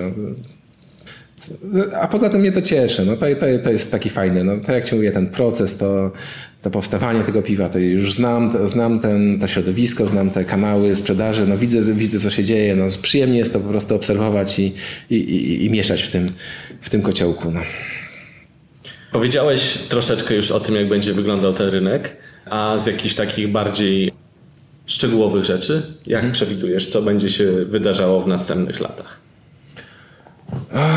Ho, ho, ho, co, wiesz co, takie prognozy pogody to ja nie potrafię powiedzieć, kiedy co będzie. No, tak z grubsza można powiedzieć, że to jest takiej teorii, że tak powiem e, giełdowej, że, że powinny być, powinna być, no jesteśmy na fali wzrostowej, no więc ona się powinna podzielić na, na trzy e, podfale, które będą e, rozdzielone dwoma korektami. No można powiedzieć, że jedną korektę już mieliśmy w 2017 Teraz może z rok będzie takiej, e, takiego no, spowolnienia. No i mam nadzieję, że w tym albo w przyszłym roku będzie znowu pójdziemy trochę do przodu i będzie druga mocniejsza fala, która ale nie, nie, nie będę już tak dokładnie po aptekarsku rozmierzał na lata. Dobrze. Mam, liczę, że po prostu mamy w tej chwili małą korektę i że, że, że nie, nie za długo, rok, półtorej będzie, pójdziemy do przodu z całym rynkiem. To może troszkę inaczej. A jakie trendy będą dominować? Co będzie szło do przodu, a co nie? Widać na przykład, rozmawialiście z Rafałem o puszkach, więc puszki wiadomo gdzieś się w Polsce pojawiają, wszyscy się drapią po głowie, ale może coś jeszcze innego oprócz puszek? A to też nie, nie jestem w stanie przewidzieć. W zasadzie z, z takich trendów w ogóle nie, nie, nie, za dobrym jestem, że tak powiem, prognostykiem, jeżeli chodzi o, o, o, te trendy. No, ja sobie, jak otwieraliśmy browar, to sobie wyobrażałem, że będziemy robić takie style niemieckie, właśnie jas, jasne, ciemne i Weizen. I do tego dla, dla koneserów będziemy be, jakieś Belgii robić, tam Witbira, dubla, może kwadrupla. A, a to wszystko poszło w chmiel. Teraz wszyscy robią chmielowe piwa na, na, na... W ogóle tego nie przewidziałem. To... No ale na szczęście to nie, nie, nie, łatwo można skorygować. Kurs bardzo elastyczny, są, są browary i bardzo szybko zmieniają swoje. Także tym, tym się niespecjalnie przejmuję, co, co będzie. No ja cały czas liczę na to, że na powstanie takiej niszy w, w, tej naszej niszy kraftowej piwa takiego solidnego, klasycznego typu tam właśnie Pilsner czy, czy Dunkel, czy, czy już no niech, niech będzie ta APA nawet, czy, czy Stout, które będzie, będzie w miarę tanie dla, dla przeciętnego człowieka i będzie sobie kupował skrzynkami po to, żeby sobie trzymać w domu i popijać do, do, do obiadu czy do kolacji. W Ameryce są 4 i 6 opaki na przykład. Fakt, że mniejsze piwa, nie? Ale tak się bierze od razu 4 opak. No, no proszę bardzo. W Ameryce nie byłem, mnie, mnie zachwyca rynek niemiecki, te, te getrenki, które są przy, przy browarze i przyjeżdżasz czasem i za 55 eurocentów kupujesz bardzo dobrego pilsa na skrzyneczką, na skrzynkę albo dwie i sobie wieziesz do domu i, i, i pijesz skrzynkami to piwo. A to może w takim razie pogadajmy o lokalności. Bo to jest coś, o tym kominie wszyscy, wiesz, opowiadają od zawsze. Czy myślisz, że to się rozwinie w tym kierunku? Czy będziecie chcieli w Jabberwocky robić sprzedaż No, bardzo byśmy chcieli. Sprzedaż, sprzedaż wokół komina no to, to jest genialna rzecz, bardzo wygodna pod każdym względem logistyki, marży, wygody i tak dalej. Tylko, że no, praktyka pokazuje, że bardzo mało się sprzedaje wokół komina. Znowu dla mnie takim nie, niedoścignionym marzeniem jest niemiecki browar Schenramer, dobrze powiedziałem? A, wszystko jedno. On sprzedaje 50 tysięcy hektarów tylko w swoim powiecie. To to jakby artezan sprzedał w, w powiecie warszawskim zachodnim 50 tysięcy, czyli z grubsza 10 razy tyle, co, co produkuje. Nie, nie, nie, nie wychodząc poza e, Ożarów i, i, te, te okoliczne wsie. To jest dla mnie nie, nie do pojęcia, że, że tyle, tyle rynek może wchłonąć. Ale jak widać może. No, dałby Bóg, że, żeby się to, to tak rozwinęło. No na razie jest ta bariera cenowa, jednak za, za, za, dru, za duża jest różnica pomiędzy koncerniakiem a, a tym piwem kraftowym, żeby, żeby one się takie masowe stało. Na razie dalej to jest takie, takie, taka fanaberia jednak, to pijanie tego piwa kraftowego. To jaka powinna być twoim zdaniem cena piwa, żeby... No myślę, że, że tak między 4 a 5 zł, takie, takie jak są te piwa regionalne, powiedzmy, to, to myślę, żeby się sprzedawało. Jeżeli było znacząco lepszym piwem, to. No i po, po cichu mam nadzieję, że jeżeli no, zrobimy duży browar i bę- będzie ten efekt skali, no to może nam, nam się uda zejść trochę z ceną, przynajmniej tak lokalnie. Czyli e, jednak nie pójście w e, jakieś super premium i drogie, tylko raczej dostępne dla każdego. Nie no, żeby robić super premium, to, to raczej są nieduże browary, mogą sobie na to pozwolić. No, takiego super premium piwa to można 2-3 tysiące hektar sobie sprzedać. My, my byśmy chcieli bardzo duży browar zrobić, który by robił kilkanaście tysięcy. Tu jest fajny ten model, który ro- robi Kormoran, czyli ma, ma taką podstawę, robi przyzwoite, solidne piwa, takie no, podstawowe, typu tam Pils czy no, głównie tego, te, te, takie lagerki. Ja od czasu do czasu robi jakiegoś sztosa i, i, i na tym zarabia. To jest całkiem fajny model, tak to by mi się podobało. Robić takie podstawowe piwo z, z groszową jakąś tam marżą, a na, na, dzięki któremu browar może działać, a zarabiać na, na jakichś tam wypustach ekstra od czasu do czasu. Ja mam takie podejrzenie, co zresztą troszkę też widać w liczbach, że średniej wielkości browary, które jakoś właśnie tak jak Cormoran, może troszkę mniejsza, na przykład Fortuna, które zaczęły wchodzić w takie kraftowe rzeczy, one są zwycięzcami. Bardziej No ja też tak, tak słyszałem, że, że na tych piwach takich kraftowych, które oni sobie od czasu do czasu wypuszczają, to mają lepszy zarobek niż na tym swoim takim podstawowym koniu roboczym. Bo wiesz, oni są w stanie dać lepszą cenę niż kraft, Tak. mają lepszą dystrybucję, są dalej, więc wiesz, same plusy. No, no tak właśnie, to mnie, to mnie kusi coś takiego. To jest coś, to taka też dla mnie ziemia nieznana. No, nie wiem jak to, jak, jak to działa w tym, na, tym, na tej wyższej półce, na tym większym, e, większej skali. No i to może być też bardzo ciekawe. Doktor Bru się pokusił, kupił sobie lwówek. Znaczy, kupił, No. nie kupił, ale ma kupić. Tak, szacunek. Po, po, podziwiam ich konsekwencje i determinację. I nic więcej o doktorze Bru. Dobrze, zostawmy. E, Pójdźmy dalej. Idealne piwo Kodera. Jakie ty byś chciał mieć piwo? Bo już powiedziałeś, że chciałbyś mieć piwo codzienne, tak? To cię interesuje. Takie zresztą pijasz. Jakie jest twoje ulubione, idealne piwo? O, to nie, nie, nie zaskoczę cię niczym. Moim ukochanym stylem jest Dunkel albo Weizen. Jakbym miał te dwa piwa w lodówce, też mógłbym nic więcej nie pijeć. No, tak na przykład. A jakbym musiał się na jedno zdecydować, to niestety to byłby Pilsner, który, który nie jest moim ulubionym piwem, ale za to spełnia wszystkie, wszystkie, wszystko, co, co, co, czego potrzebuję, czego od piwa oczekuję. Nie przypadkiem powiedziałem słowo koder. W ten sposób funkcjonowałeś na piwo.orgu, gdzie ja cię śledziłem i czytałem to, co pisałeś lata temu, jak się uczyłem ważyć piwo po raz pierwszy i tak dalej. Tak. Edukacja jest dla ciebie ważna. Piszesz do piwowara, udzielałeś się na piwo.orgu. Skąd u ciebie się to bierze? Chcesz się dzielić wiedzą, czy Tak, tak, to mi się podoba. No wiesz, ja jestem inżynierem z wykształcenia, bardzo mnie A cieszy. mogę zapytać czego? No, mam skończone dwa fakultety, geodezję i informatykę na Politechnice. No i bardzo mnie to bardzo mi się podoba takie inżynie, inżynierskie podejście do, do pracy, takie katalogowanie, poprawianie wyników, takie sprzężenie zwrotne, czyli spojrzenie na to, co wyszło i na podstawie tego, co wyszło, poprawiamy proces, żeby wyszło lepiej. Y, Bardzo fajnie się to sprawdza w, w piwie. To nie jest taki, taki znowu artystyczny aktywność człowieka, że, że, że wymaga natchnienia czy, czy jakiegoś olśnienia, żeby coś zrobić piwo. To, to jest właśnie pra- no, wino może jest takie, że, że rzeczywiście po, po, potrzeba jakiegoś tam do, dotknięcia geniuszu, żeby stworzyć, zblendować czy, czy zrobić. Nie? No, a, To jest, nie wiem. Mi się wydaje, że to jest y, dobry marketingowo, tak się sprzedaje raczej. Dobra, nie będę się wymądrzał, bo wino nigdy nie robiłem. Ale tak sobie wyobrażam właśnie, że tak się robi wino właśnie. Ale że to takie tak poetyczne. Duch wina cię na- natchnie. Tak. A piwo to jest właśnie takie, takie solidne rzemiosło, inżynierskie rzemiosło.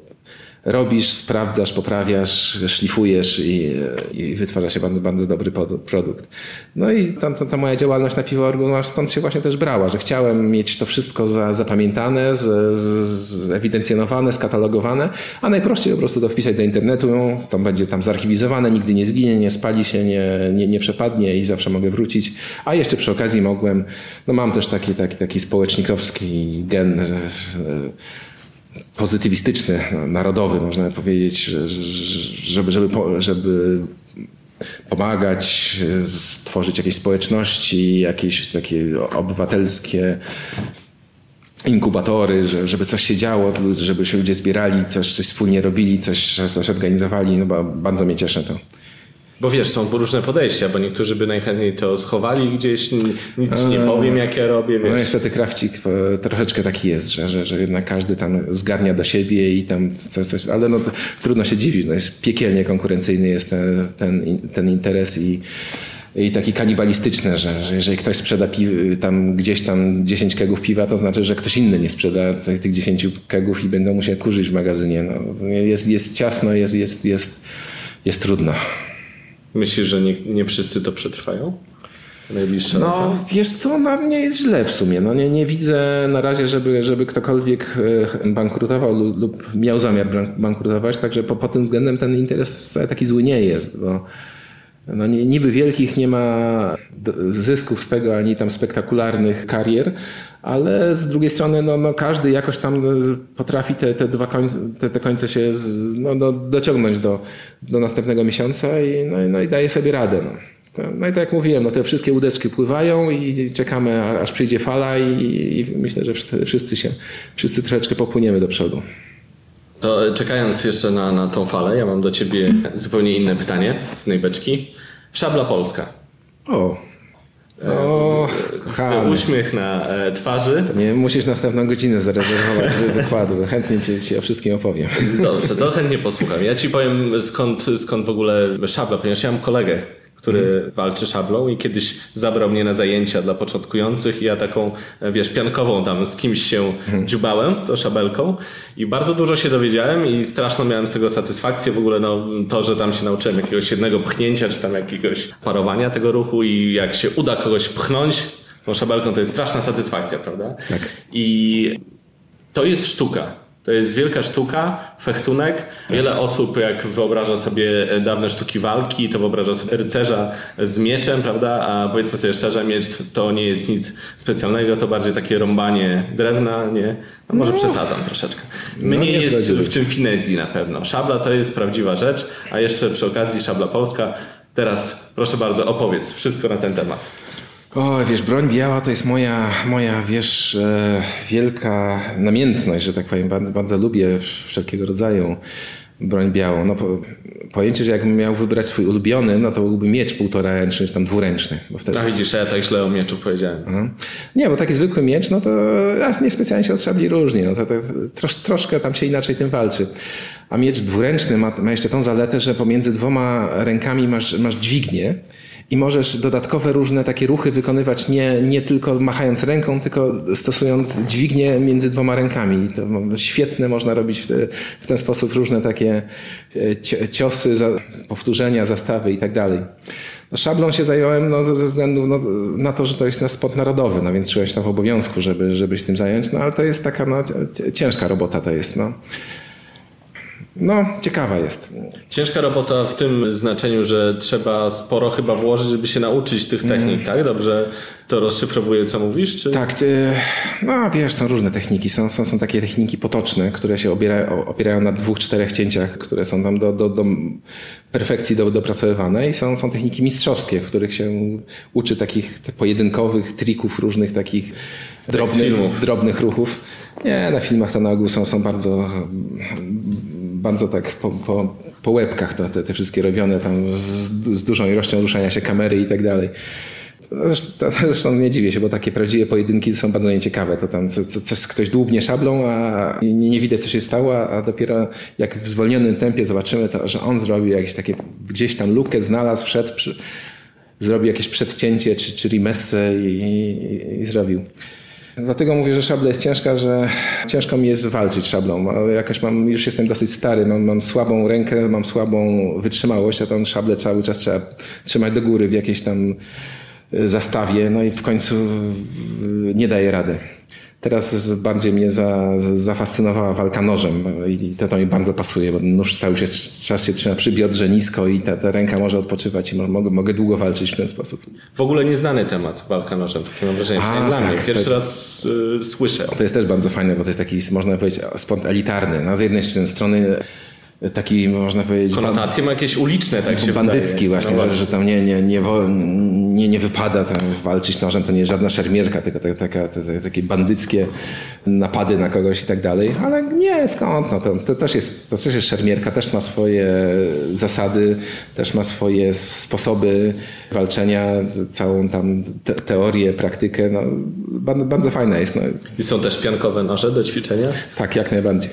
Walczymy takimi piankowymi z, z, z takich, no powiedzmy, karimatów robionymi nożami, bo, bo nóż jest jeszcze bardziej niebezpieczny niż, niż szabla. Jakoś bardzo łatwo sobie tam oko wydłubać, czy, czy, czy walnąć w gardło i komuś coś tam połamać, czy palce, czy, czy tak dalej. Także z, z dużą ostrożnością się, so, e, walczymy nożem.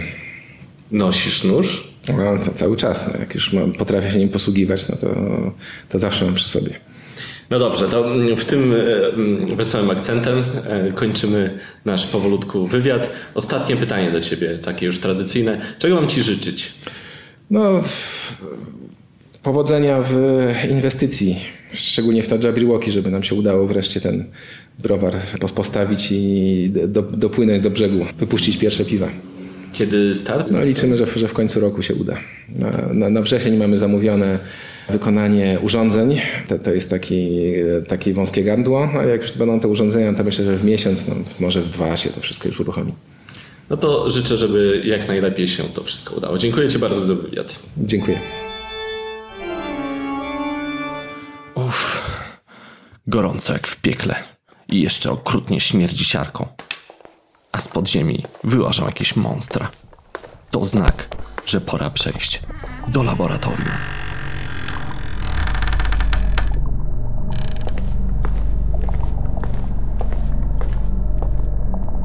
Siemanko. E, witajcie w kolejnym odcinku e, Laboratorium. Witają Was Olek i Janek z Browaru Monsters. Cześć.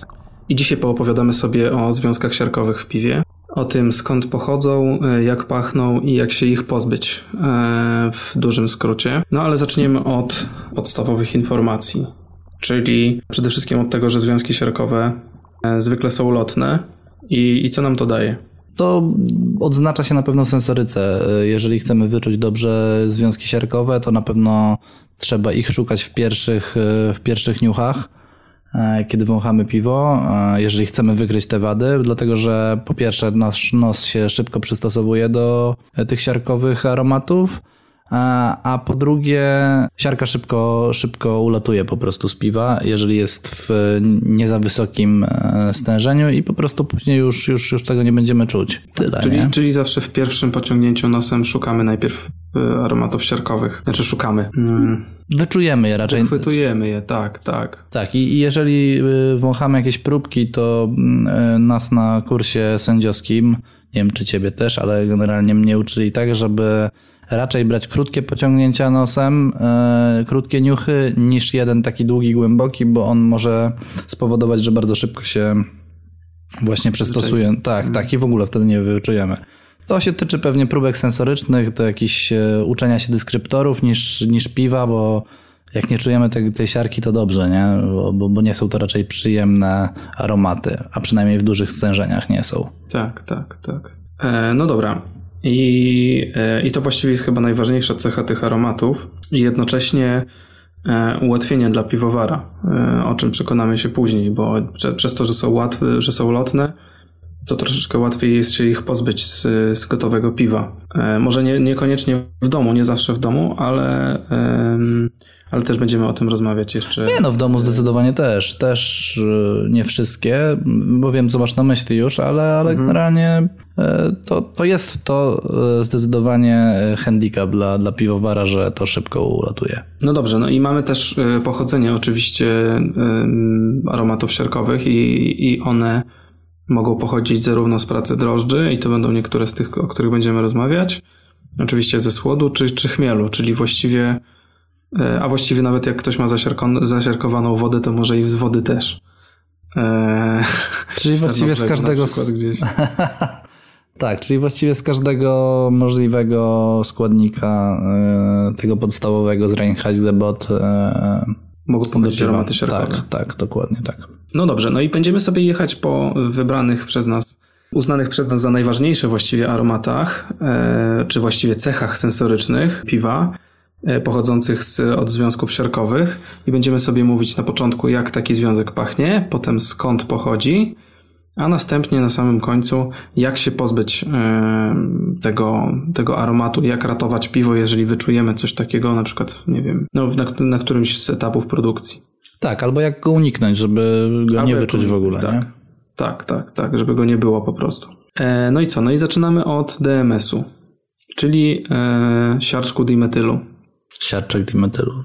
Okej. Tak. Ja zawsze zapamiętam, zapamię... znaczy zawsze, ja zapamiętałem nazwę dimetylosiarczek, ale to jest chyba to samo, nie? Tak, tak. Dimetylosiarczek to jest po prostu stara nomenklatura e, Okej, chemiczna.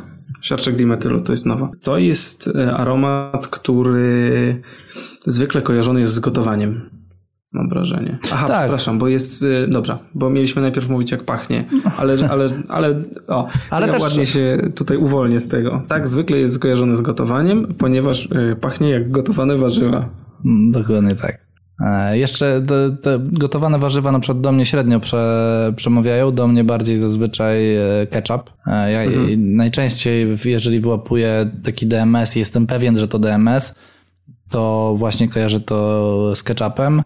E, A ogólnie rzecz biorąc, trzeba powiedzieć e, jeszcze, jeszcze jakby, bo już zaczęliśmy o DMS-ie, ale ogólnie o związkach siarkowych, że generalnie większość związków siarkowych, tych, które są w piwie, pachną, one pachną generalnie warzywami, nie? I to jest cały szereg e, różnych aromatów, które często występują w parach albo trzy na raz. I czasami ciężko jest wychwycić ten konkretny i go określić. Ja na przykład e, na metryczce, jak piszę, opisuję mm, aromat siarkowy i nie jestem pewien, to zawsze piszę, że, że po prostu siar, jakaś siarka warzywna, że nie, nie potrafię tego konkretnie e, sklasyfikować, ale że prawdopodobnie po, to jest to i to. Sensie staram się zawsze uniknąć jakiegoś tam konkretnego podania powodu akurat, znaczy nie powodu, tylko konkretnego siarkowego aromatu.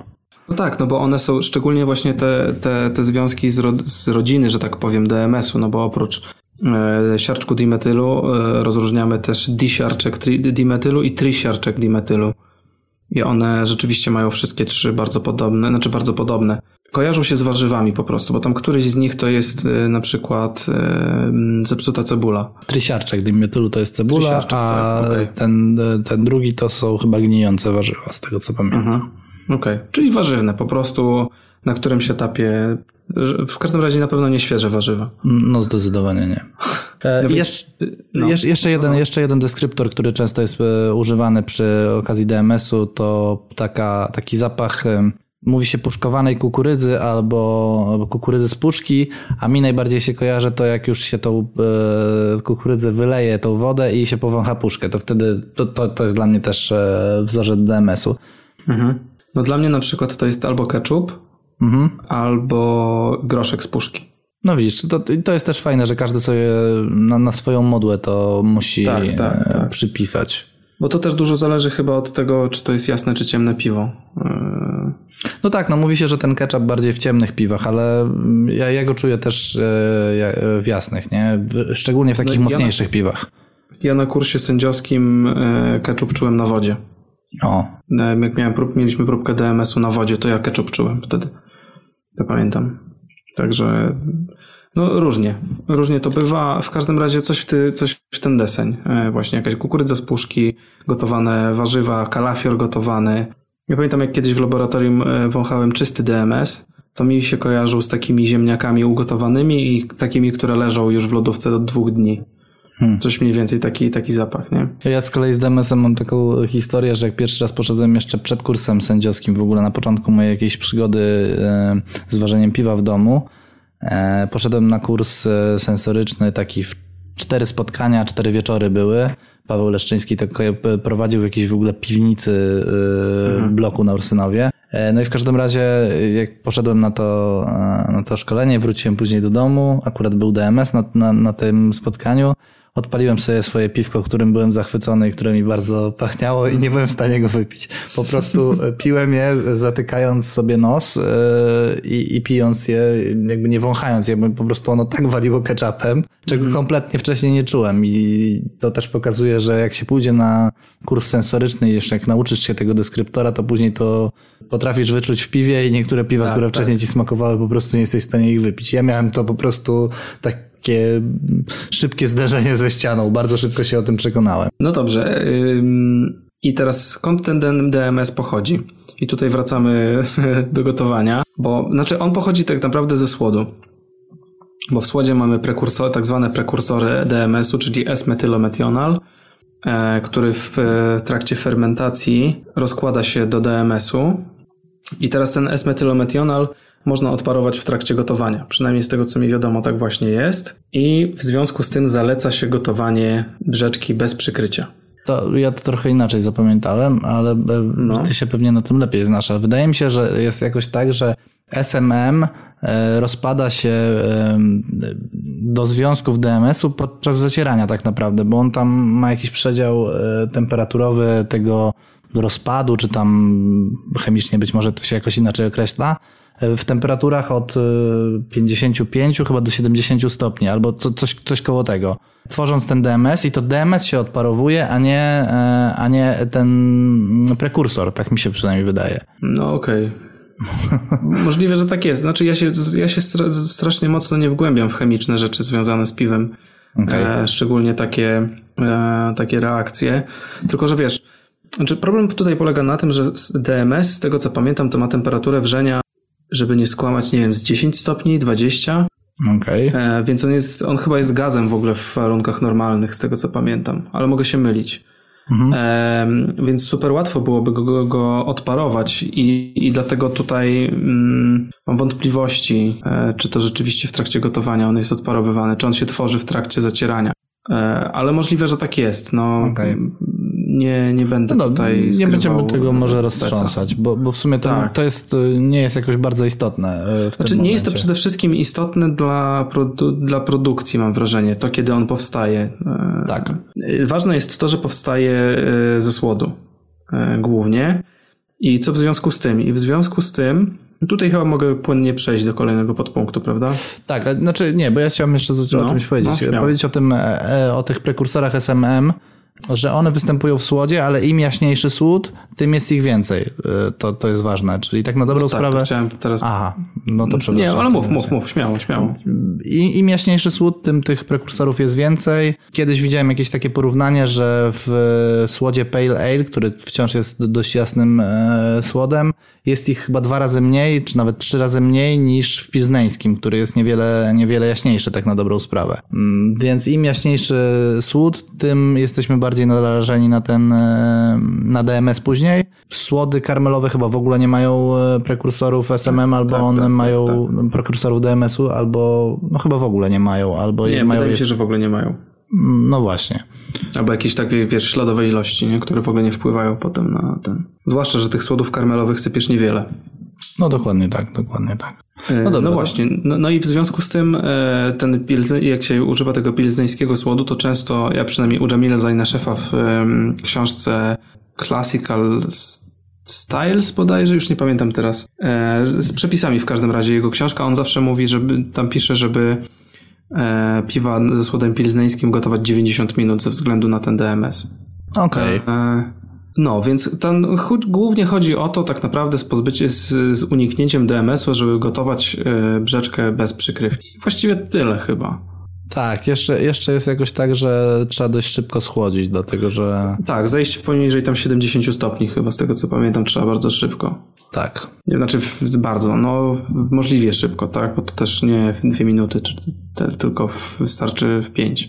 Tak, tak, tak. Ja tak, na przykład, no no. No trzeba to szybko, w sensie takim, żeby nie czekać na to, nie trzymać tej brzeczki w temperaturze 95 stopni, czy tam 90 stopniach przez godzinę albo przez pół godziny, tylko po prostu, żeby puścić to przynajmniej do 70 stopni, wtedy zmniejszamy tą, e, to ryzyko powstania DMS-u. Tak. No i akurat y, moje jedno piwo jest tutaj bardzo dobrym przykładem, bo miałem wody wysłodkowe z barley wine'a, zagotowałem je tylko, doprowadziłem do wrzenia i potem wystawiłem na balkon. To, akurat lato było, więc to mi się chłodziło do rana i po fermentacji y, no pięknie pachniało takim groszkiem, wiesz, y, z puszki, nie? Ale dodałem bretów i przeszło. Ale to jest też, e, to, to, jest też ważne to, co mówisz, że dodałeś bretów, ruszyła dodatkowa fermentacja i prawdopodobnie ten e, DMS się też wypchnął razem z dwutlenkiem węgla. Tak, tak, tak, tak. To właściwie chyba mamy załatwiony DMS, tak? Czyli gotować e, bez Znaczy, co, przykrycia. ja bym tylko jeszcze chciał porozmawiać, podyskutować na temat tego gotowania 90 minut słodu pilzneńskiego, bo ja uważam, że to jest, nie jest zasadne. Ja też uważam, że to jest Ja myślę, że jak wszystkie piwa będziecie gotować 60 minut, to, to będzie w porządku. To tam nic się nie, nie powinno złego wydarzyć. No ja zazwyczaj swoje piwa gotuję po 90 minut. Ostatnio z pilzneńskiego korzystam jako słód podstawowy, e, więc e, nie, nie mam żadnych siarkowych aromatów w ogóle właściwie, więc, e, więc daję to egzamin. Gotuję też po, przy częściowym przykryciu, mam tylko uchyloną pokrywkę i, i tak to daje radę, tak? To może, z tym może być problem, jak gotujemy w niższych temperaturach, to znaczy jeżeli nie doprowadzamy do 100 stopni, nie? To wtedy, wtedy może to mieć znaczenie. Natomiast przy takim burzliwym rzeczywiście gotowaniu to, to powinno wystarczyć nawet pewnie i pół godziny. Tak, tak, tak, na pewno. Co, jedziemy chyba dalej do siarkowodoru, Jedziemy dalej, nie? tak. No dobra, no to kolejny jest siarkowodór i właściwie mam wrażenie, że wszyscy wiedzą jak siarkowodór pachnie, a więc jest to zapach e, zgniłego jajka czy zepsutego jajka i siarkowodór pochodzi zwykle, a właściwie głównie, nie, przede wszystkim, nie, zawsze pochodzi od fermentacji. Tak, tak, drożdże go produkują. Tak, e, drożdże go produkują e, w trakcie fermentacji. I e, tutaj w ogóle są, e, chyba jest tak, że e, niektóre szczepy mają szczególne upodobanie do tego siarkowodoru. Tak, no szczególnie lagerowe drożdże, tak? Miałem powiedzieć belgijskie, ale okej. Belgijskie też, tak, tak, tak. Tak, tak, bo mi się właściwie siarkowodór z lagerami nie kojarzy, bardziej mi się z sezonami kojarzy siarkowodór albo z witbirami. Nie, wiesz co, nawet niemieckie przecież lagery, te pilsy, wszystkie helesy mają nawet powpisywaną siarkę w profil, że, że można No ją tak, czuć, więc... Że może być. No, No dokładnie. tak, no tak, masz rację. Wiesz co, to wynika, mi się wydaje, że to może nie wynika nawet z tego, że te drożdże bardziej, więcej tego produkują. Podejrzewam, że produkują takie same ilości, natomiast y, fermentacja przy drożdżach lagerowych jest mniej burzliwa niż przy, y, przy fermentacji drożdżami ale'owymi. I ja podejrzewam, że burzliwość tej fermentacji powoduje, że więcej tych, tej siarki się, tego siarkowodoru się y, ulatnia po prostu ra- wraz z fermentacją. Mm, To z tego może wynikać też. Tak, no i temperatura jeszcze jest, wzrasta rozpuszczalność gazów, a siarkowodór gazem jest. E, z- Wraz z obniżeniem temperatury wzrasta rozpuszczalność gazów w cieczach, więc ten siarkowodór mniej chce się wydostać z tego piwa, po prostu też w niższych temperaturach lagerowych, prawda? Dokładnie. W ogóle siarkowodór to jest taki jeden z nieprzyjemniejszych aromatów. E, Poza merkaptanem, o którym będziemy mówić, to ja chyba najbardziej nie lubię właśnie siarkowodoru, bo on wali mi to się kojarzy, zgniłe jajo też, ale jeszcze z takimi pierdami. Jak czasami No ktoś tak, ci w komunikacji miejskiej zasadzi, to po prostu można się... mówić, ale tak, ale tak, tak, rzeczywiście. Bo to też jest dobry deskryptor. No tak, no czasami przy stoliku sędziowskim się mówi, że ktoś ci napierdział do kieliszka. Więc... Ale, ale czułeś w ogóle kiedyś, e, jak, jak sędziowałeś, to czułeś kiedyś siarkowodór w jakimś Tak, tak, zdarzyło mi się kilka razy Okej. siarkowodór, tak.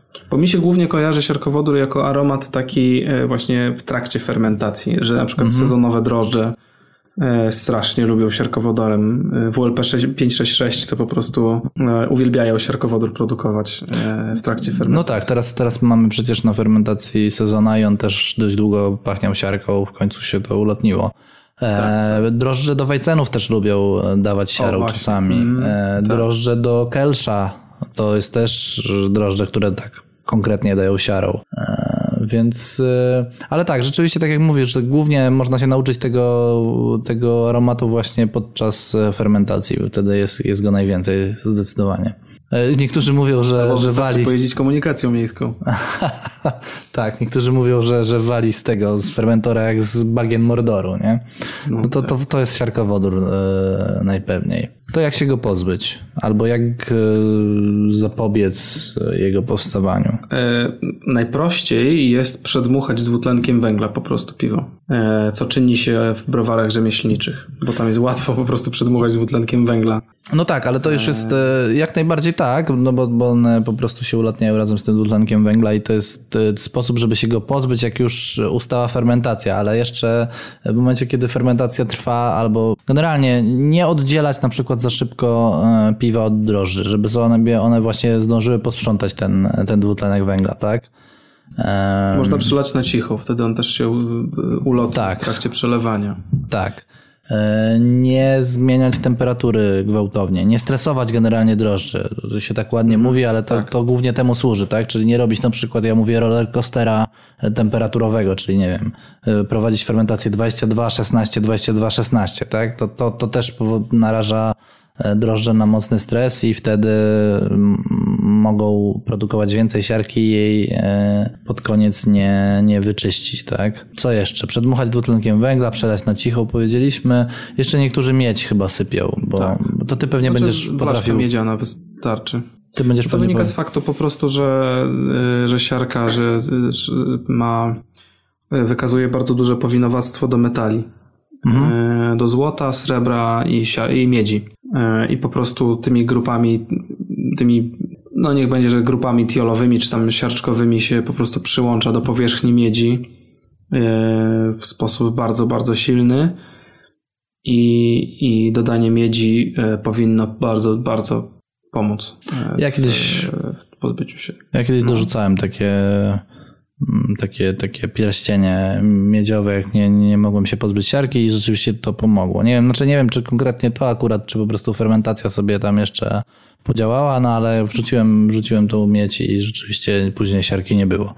Więc może i działa nawet. Chociaż jak się dobrze przeprowadzi fermentację, to, to nie powinno być problemu z, siarki, z siarką. Są jakieś takie szczepy drożdży, które po prostu produkują tego tyle, że, że przy danym, przy danym schemacie fermentacji one nie ulatują. Jeżeli taki macie, to po prostu wtedy trzeba rozważyć zmianę drożdży i nie korzystać z nich i się nie, nie tam nie, nie patyczkować, po prostu wziąć inny szczep i, i wtedy się wyeliminuje te mm, aromaty siarkowodorowe. Tak. Swoją drogą, e, anegdota i ciekawostka jednocześnie. Był taki okres, w którym arystokracja e, bardzo ulubowała sobie jedzenie wszelakich rzeczy e, srebrnymi sztućcami. I ci, którzy jedli jajka e, srebrnymi łyżeczkami, umierali, bo tam się tworzył siarczek srebra, który jest mega trujący na powierzchni tej, tej, tej, łyżeczki. Umierali po prostu od tego. Także nie jedzcie e, tych blaszek e, miedzianych później. Okay. No, Następny aromat. Następny aromat, czyli dwutlenek siarki.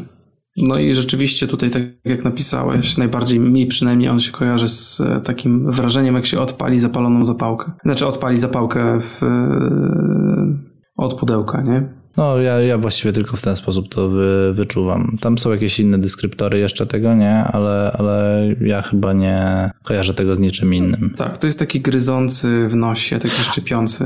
A, wiem, wiem z czym jeszcze mi się kojarzy. No. Kojarzy mi się, kiedyś byłem na wulkanie, jak byłem na wyspach, e, nie pamiętam jak ono się nazywało, no nie, nieistotne. Byłem na wulkanie, który generalnie nie był aktywny, może taki, żeby buchać mocno, natomiast siarkę, się, się, siarkę, dwutlenek siarki się cały czas tam wy, e, wytwarzał. Jeżeli ktoś był na wulkanie, to to jest właśnie ten, e, ten aromat. Bardzo charakterystyczny. a jeżeli chcecie poznać właściwie, jak ktoś używa pirosiarczynu sodu albo potasu, mhm. to, to, to właśnie to jest ten zapach. Tak, bo tam się dwutlenek siarki właśnie wydziela on i on dezynfekuje sprzęt. Tak, to w winiarstwie się chyba z tego korzysta. Tak, nie? tak, tak. No w piwowarstwie też czasami niektórzy korzystają. No, ja chyba nigdy nie korzystałem. Miałem nawet jakiś tam, dostałem od kogoś próbkę, ale stwierdziłem, że nie będę tego używał, skoro inne no, metody działają. strasznie, bardzo no, nieprzyjemne. No właśnie. No dobra, pochodzi z fermentacji ten dwutlenek siarki, tak samo jak siarkowodór, z tego co przynajmniej pamiętam, ale chyba tak, mam rację. Tak, tak, tak. To właściwie no. można tutaj powtórzyć wszystko to, co żeśmy mówili o, o dwutlenku siarki, bo, bo to jest właściwie to samo. Siarkowodorze. Przepraszam, siar, siarkowodorze, tak, teraz mówimy o dwutlenku siarki. E, bo właściwie e, przyczyny powstawania są dokładnie te same. E, jak sobie z tym radzić, to są właściwie te same, te same metody. Jeszcze o jednej rzeczy nie, nie wspomnieliśmy przy tym, przy obu z nich mhm. że oba mogą powstawać w, w wyniku zakażenia. No tak, tak. Że, że jeżeli wam się piwo zakazi, to też może być zarówno siarkowodór występować w tym piwie, jak i dwutlenek siarki. Ale wydaje mi się, że jeżeli miałbym wskazać y, aromat siarkowy, który częściej występuje w piwie, to powiedziałbym raczej siarkowodór niż dwutlenek siarki. Ten dwutlenek siarki bardzo rzadko się zdarza, mam wrażenie. No to prawda, tak żeby go wyodrębnić jako je, jeden sam, to, to, rzeczywiście rzadko. Ale te, jeszcze a propos tego zakażenia, które mówisz, to, to mhm. owszem, zakażenie jak najbardziej, natomiast wtedy najczęściej są jeszcze jakieś inne, no tak, tak. To, to, to, nie tak. będzie tylko siarkowodór czy tam dwutlenek siarki, tylko e, ogólnie będzie mariaż różnych e, różnych innych, aromatów. tak, przyjemnych aromatów. Kiedyś e, Bartek Nowak z e, bloga Małe Piwko, tak? Małe Piwko chyba. Chyba tak, tak. Bo Małe Piwo, już nie pamiętam. Określił właśnie takie, takie, taki mariaż e, aromatów siarkowych jako kibel. To mi się bardzo podoba. po prostu piwowali kiblem. No tak. pasuje, tak. pasuje. Tak. Ale teraz z tym kiblem możemy płynnie no. przejść do Merkaptanu, bo. A, no wiesz, no właśnie, bo kanaliza, bo rzeczywiście. Kanaliza, nie? Tak. Eee, no i Merkaptan pachnie jak kibel, jak kanaliza. Ale mi na przykład głównie kojarzy się z gazem ziemnym. No mi też z gazem ziemnym. I z tym gazem ziemnym to jest, jest, jest fajna historia, nie? Bo, bo to jest tak, że gaz ziemny nie pachnie e, merkaptanem, tylko jego się chyba e, jakoś dla, tak, tak mi się przynajmniej wydaje, gdzieś mi się tam obiło oczy, jak coś czytałem, że e, gaz ziemny się po prostu nawania. Się, nawania, o właśnie brakowało mi tego tak. słowa. Nawania się merkaptanem e, ze względów bezpieczeństwa, żeby można tak, było... Tak, bo gaz ziemny jest bezwonny yy, ogólnie.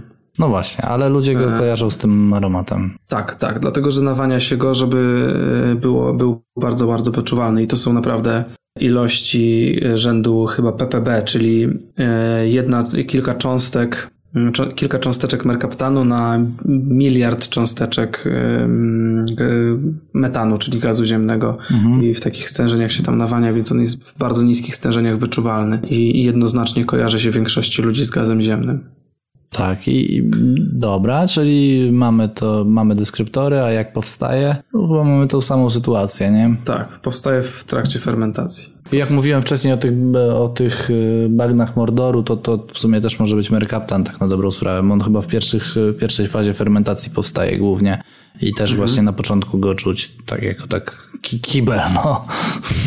Tak. Um, no dobrze, ale, ale jak się go pozbyć? I, I wydaje mi się, że jeżeli, tak jak żeśmy przechodzili od tego DMS-u przez siarkowodór i dwutlenek siarki do tego merkaptanu, to ten merkaptan też jest bardzo rzadko wyczuwalny. I tutaj wydaje mi się, że, że właśnie to, co ty powiedziałeś o tej fermentacji, tutaj ma duże znaczenie. Że ten merkaptan, jeżeli miałby powstawać, to w jakichś super zestresowanych drożdżach, czyli nie wiem, ale'owe zadane w dwóch stopniach i potem podniesiona temperatura w ciągu dwóch godzin do 25 stopni i znowu obniżona do 10, coś w tym stylu. Tak, z tego co ja pamiętam, to Mercaptan generalnie, Mercaptanu drożdże produkują dużo, dużo mniej niż e, dwóch pozostałych tych wcześniejszych związkach, o których żeśmy mówili i, i generalnie trzeba się postarać, żeby ten Mercaptan rzeczywiście było czuć, czyli tak jak mówisz, mocny stres drożdże, to wtedy być może ten merkaptan będzie wyczuwalny, ale generalnie w, na końcu to, to, to raczej się nie zdarza, jeżeli fermentacja była przeprowadzona względnie poprawnie, to, to nie powinniśmy czuć mer- merkaptanu, bo, bo jego po prostu się produkuje mniej. No i czystego. wydaje mi się, że też zakażenie tutaj też, też może wpływać na powstawanie tego merkaptanu. Zakażenie jeszcze autolizodrożdży na pewno e, może też e, produkować e, merkaptan. No ale jak, jak, jak to z autolizą, raczej jest ona pomijalna w warunkach domowych, ale jeżeli już się pojawi merkaptan z tej autolizy, to raczej też w towarzystwie różnych innych przyjemnych e, aromatów e, i raczej też ciężko będzie go wyodrębnić z tego całego bukietu. Kibla. Kibla, tak, tak. No okej, czy jeszcze coś chcielibyśmy o tym merkaptanie, czy jedziemy dalej? Chyba Jedziemy chyba dalej. Tak, no kolejny jest, y, to jest ulubiony aromat wszystkich koneserów piw w zielonych butelkach, czyli nasłoneczniony, Tak. a potocznie mówiąc skunks.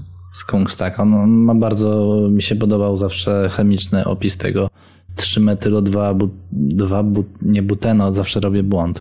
3-metylo 2 buten 1 tiol chyba, tak? Dobrze? Yy, zaraz sprawdzę, bo nie pamiętam. Nasłoneczniony. Kiedyś się tego uczyłem specjalnie na pamięć, bo mi się bardzo podobało to, że jest 3, 2, 1. 3 metylo 2 buten 1 tiol. Tak, to tak powiedziałem. No i to, to pachnie... Buteno powinno być, no ale dobra. No, Eee, eee, to jest, y, mówi się skunksowy y, aromat, ale chyba nikt tak na dobrą sprawę nie miał przyjemności, albo niewielka ilość y, ludzi miała styczność ze skunksem. Mm, Więc częściej do mnie na przykład trafia marihuana, a do mnie trafia taka świeżo skoszona trawa. Nie wiem, jakie ty masz. Marihunae. Marinohea. Zdecydowanie. Co to? Nie, nie, coś przerwało i tak dziwnie zabrzmiało.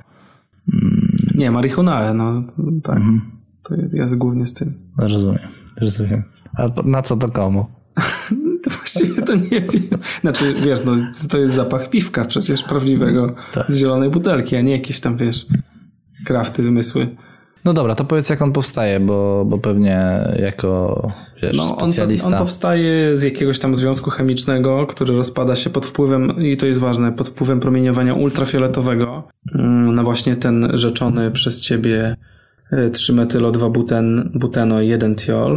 Coś jest nie tak z tą nazwą.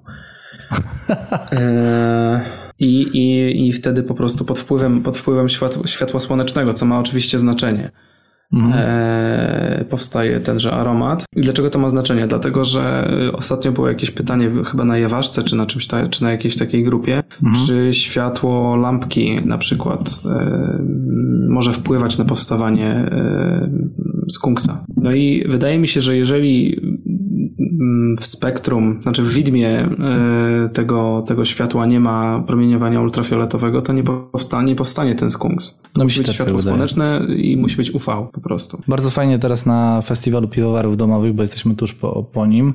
e, Na jednym ze stoisku, e, nie pamiętam jak się nazywał ten browar, ale oni wygrali nagrodę za najlepsze stoisko. Oni mieli skrzynkę e, wyłożoną takim, taką gąbką czarną, gdzie mieli wyżłobienie na butelkę zrobione. Na dnie e, leżała e, latarka, która świeciła promieniami UV i mieli tam wsadzoną, mieli trzy butelki właśnie. Mieli butelkę przeźroczystą, butelkę zieloną i butelkę brązową. No i pokazywali właśnie ludziom. Najpierw wkładali tą przeźroczystą i te promienie było, to światło UV było widać. Wsadzali zielone, zieloną butelkę, było ich trochę mniej widać. Jak wsadzali, e, wsadzali brązową butelkę, mieli tam wodę w środku, to nie było tych, e, tych promieni w ogóle widać na, na, na zewnątrz. To, to takie bardzo e, namacalne, namacalny przykład tego, jak to działa tak na dobrą sprawę. Mi się to bardzo podobało. Banalnie proste, proste doświadczenia, fajnie pokazywało w jaki sposób zatrzymuje butelka te, te promienie. Mhm, mhm. No dobra, to czyli mam, wiemy jak powstaje, jak się pozbyć. No po prostu rozlewać piwo w brązowe butelki. Natomiast to jest ważne, bo jak już sobie powiedzieliśmy jak to powstaje, bo, bo często początkowi piwowarze szukają tych brązowych butelek za wszelką cenę i zielone w ogóle nie leją. To jest tak, że jeżeli przechowujecie piwo na przykład w piwnicy i nie macie dostępu do e, światła słonecznego, to spokojnie można to w zieloną butelkę nalać i trzymać to normalnie w piwnicy. Nie? Wtedy się właśnie nic nie stanie, bo światełko, które zapalamy w piwnicy nie ma na to wpływu. Nie? Dlatego ja na przykład walę piwa w zielone butelki normalnie, trzymam piwo w piwnicy i przenoszę je do lodówki nie ma szans, żeby tam się coś, e, coś, coś wydarzyło. No. Na konkursy wysyłam w brązowych butelkach, bo, bo nie wiem jak one będą przechowywane i co, co będzie się dalej z nimi działo. Natomiast do domowego użytku takiego spokojnie można w to lać, no, o ile oczywiście nie, nie, nie postawimy sobie tego na parapecie i nie potrzymamy na słońcu. No ja kiedyś robiłem taki eksperyment. I co ci wyszło? O, piękny. No. Wspaniały. Ale nie powiedzieliśmy ważnej rzeczy, nie tak, powiedzieliśmy, że... pochodzi. No właśnie. Nie powiedzieliśmy, tak? Że, że pochodzi z chmielu. E, Z, z alfa-kwasów. e, Z tego co pamiętam głównie. Więc Tak. im bardziej nachmielone piwo, tym więcej będzie tego skunksa. Dokładnie. Ja, ja kiedyś teraz sobie, sobie przypomniałem o takiej historii z, z moim Berliner Weisse, którego nachmieliłem tam jakimiś homeopatycznymi ilościami chmielu. Wystawiłem, e, to było lato, wystawiłem fermentor Castoramy na balkon, żeby zagrzało się to piwo i żeby bakterie sobie popracowały. E, I to piwo waliło tak z kunksem później, bo to dwa dni stało chyba na, bal, na balkonie i, i później pomimo fermentacji, pomimo wszystkich zabiegów, które robiłem, po prostu był jeden duży skunks w tym piwie. Także nawet nie... No mów, mów. Nie, także nawet niewielkie ilości, nawet ten plastik, który wydawało mi się, że nie, że nie przepuszcza tego, jednak, tak. jednak przepuszczał. No. Też bym się spodziewał właśnie, że on nie będzie przepuszczał ultrafioletowego promieniowania, no ale Jednak coś musiał przepuszczać, no bo na żadnym innym etapie piwo nie było narażone, wiesz, na, na, na światło. słoneczne. No. Mhm. E, No dobrze, no i teraz jak się go pozbyć? I właściwie mam wrażenie, że y, nie można odpowiedzieć na to pytanie dobrze. W sensie nie da się go pozbyć, mam wrażenie, ale można uniknąć jego powstawania poprzez niewystawianie y, na światło słoneczne piwa. I No tyle. tak. E, Nie leć w zielone, butelki, chociaż są takie style, e, w których oczywiście można coś, coś takiego zrobić I- są to oczywiście style mało chmielone, e, jak na przykład lambik, e, do którego się właściwie albo wrzuca homeopatyczne ilości chmielu, albo wrzuca się chmiel stary, który jest pozbawiony alfa-kwasów. I jak najbardziej wszystkie lambikarnie, które kojarzę, leją swoje e, lambiki w, w zielone butelki.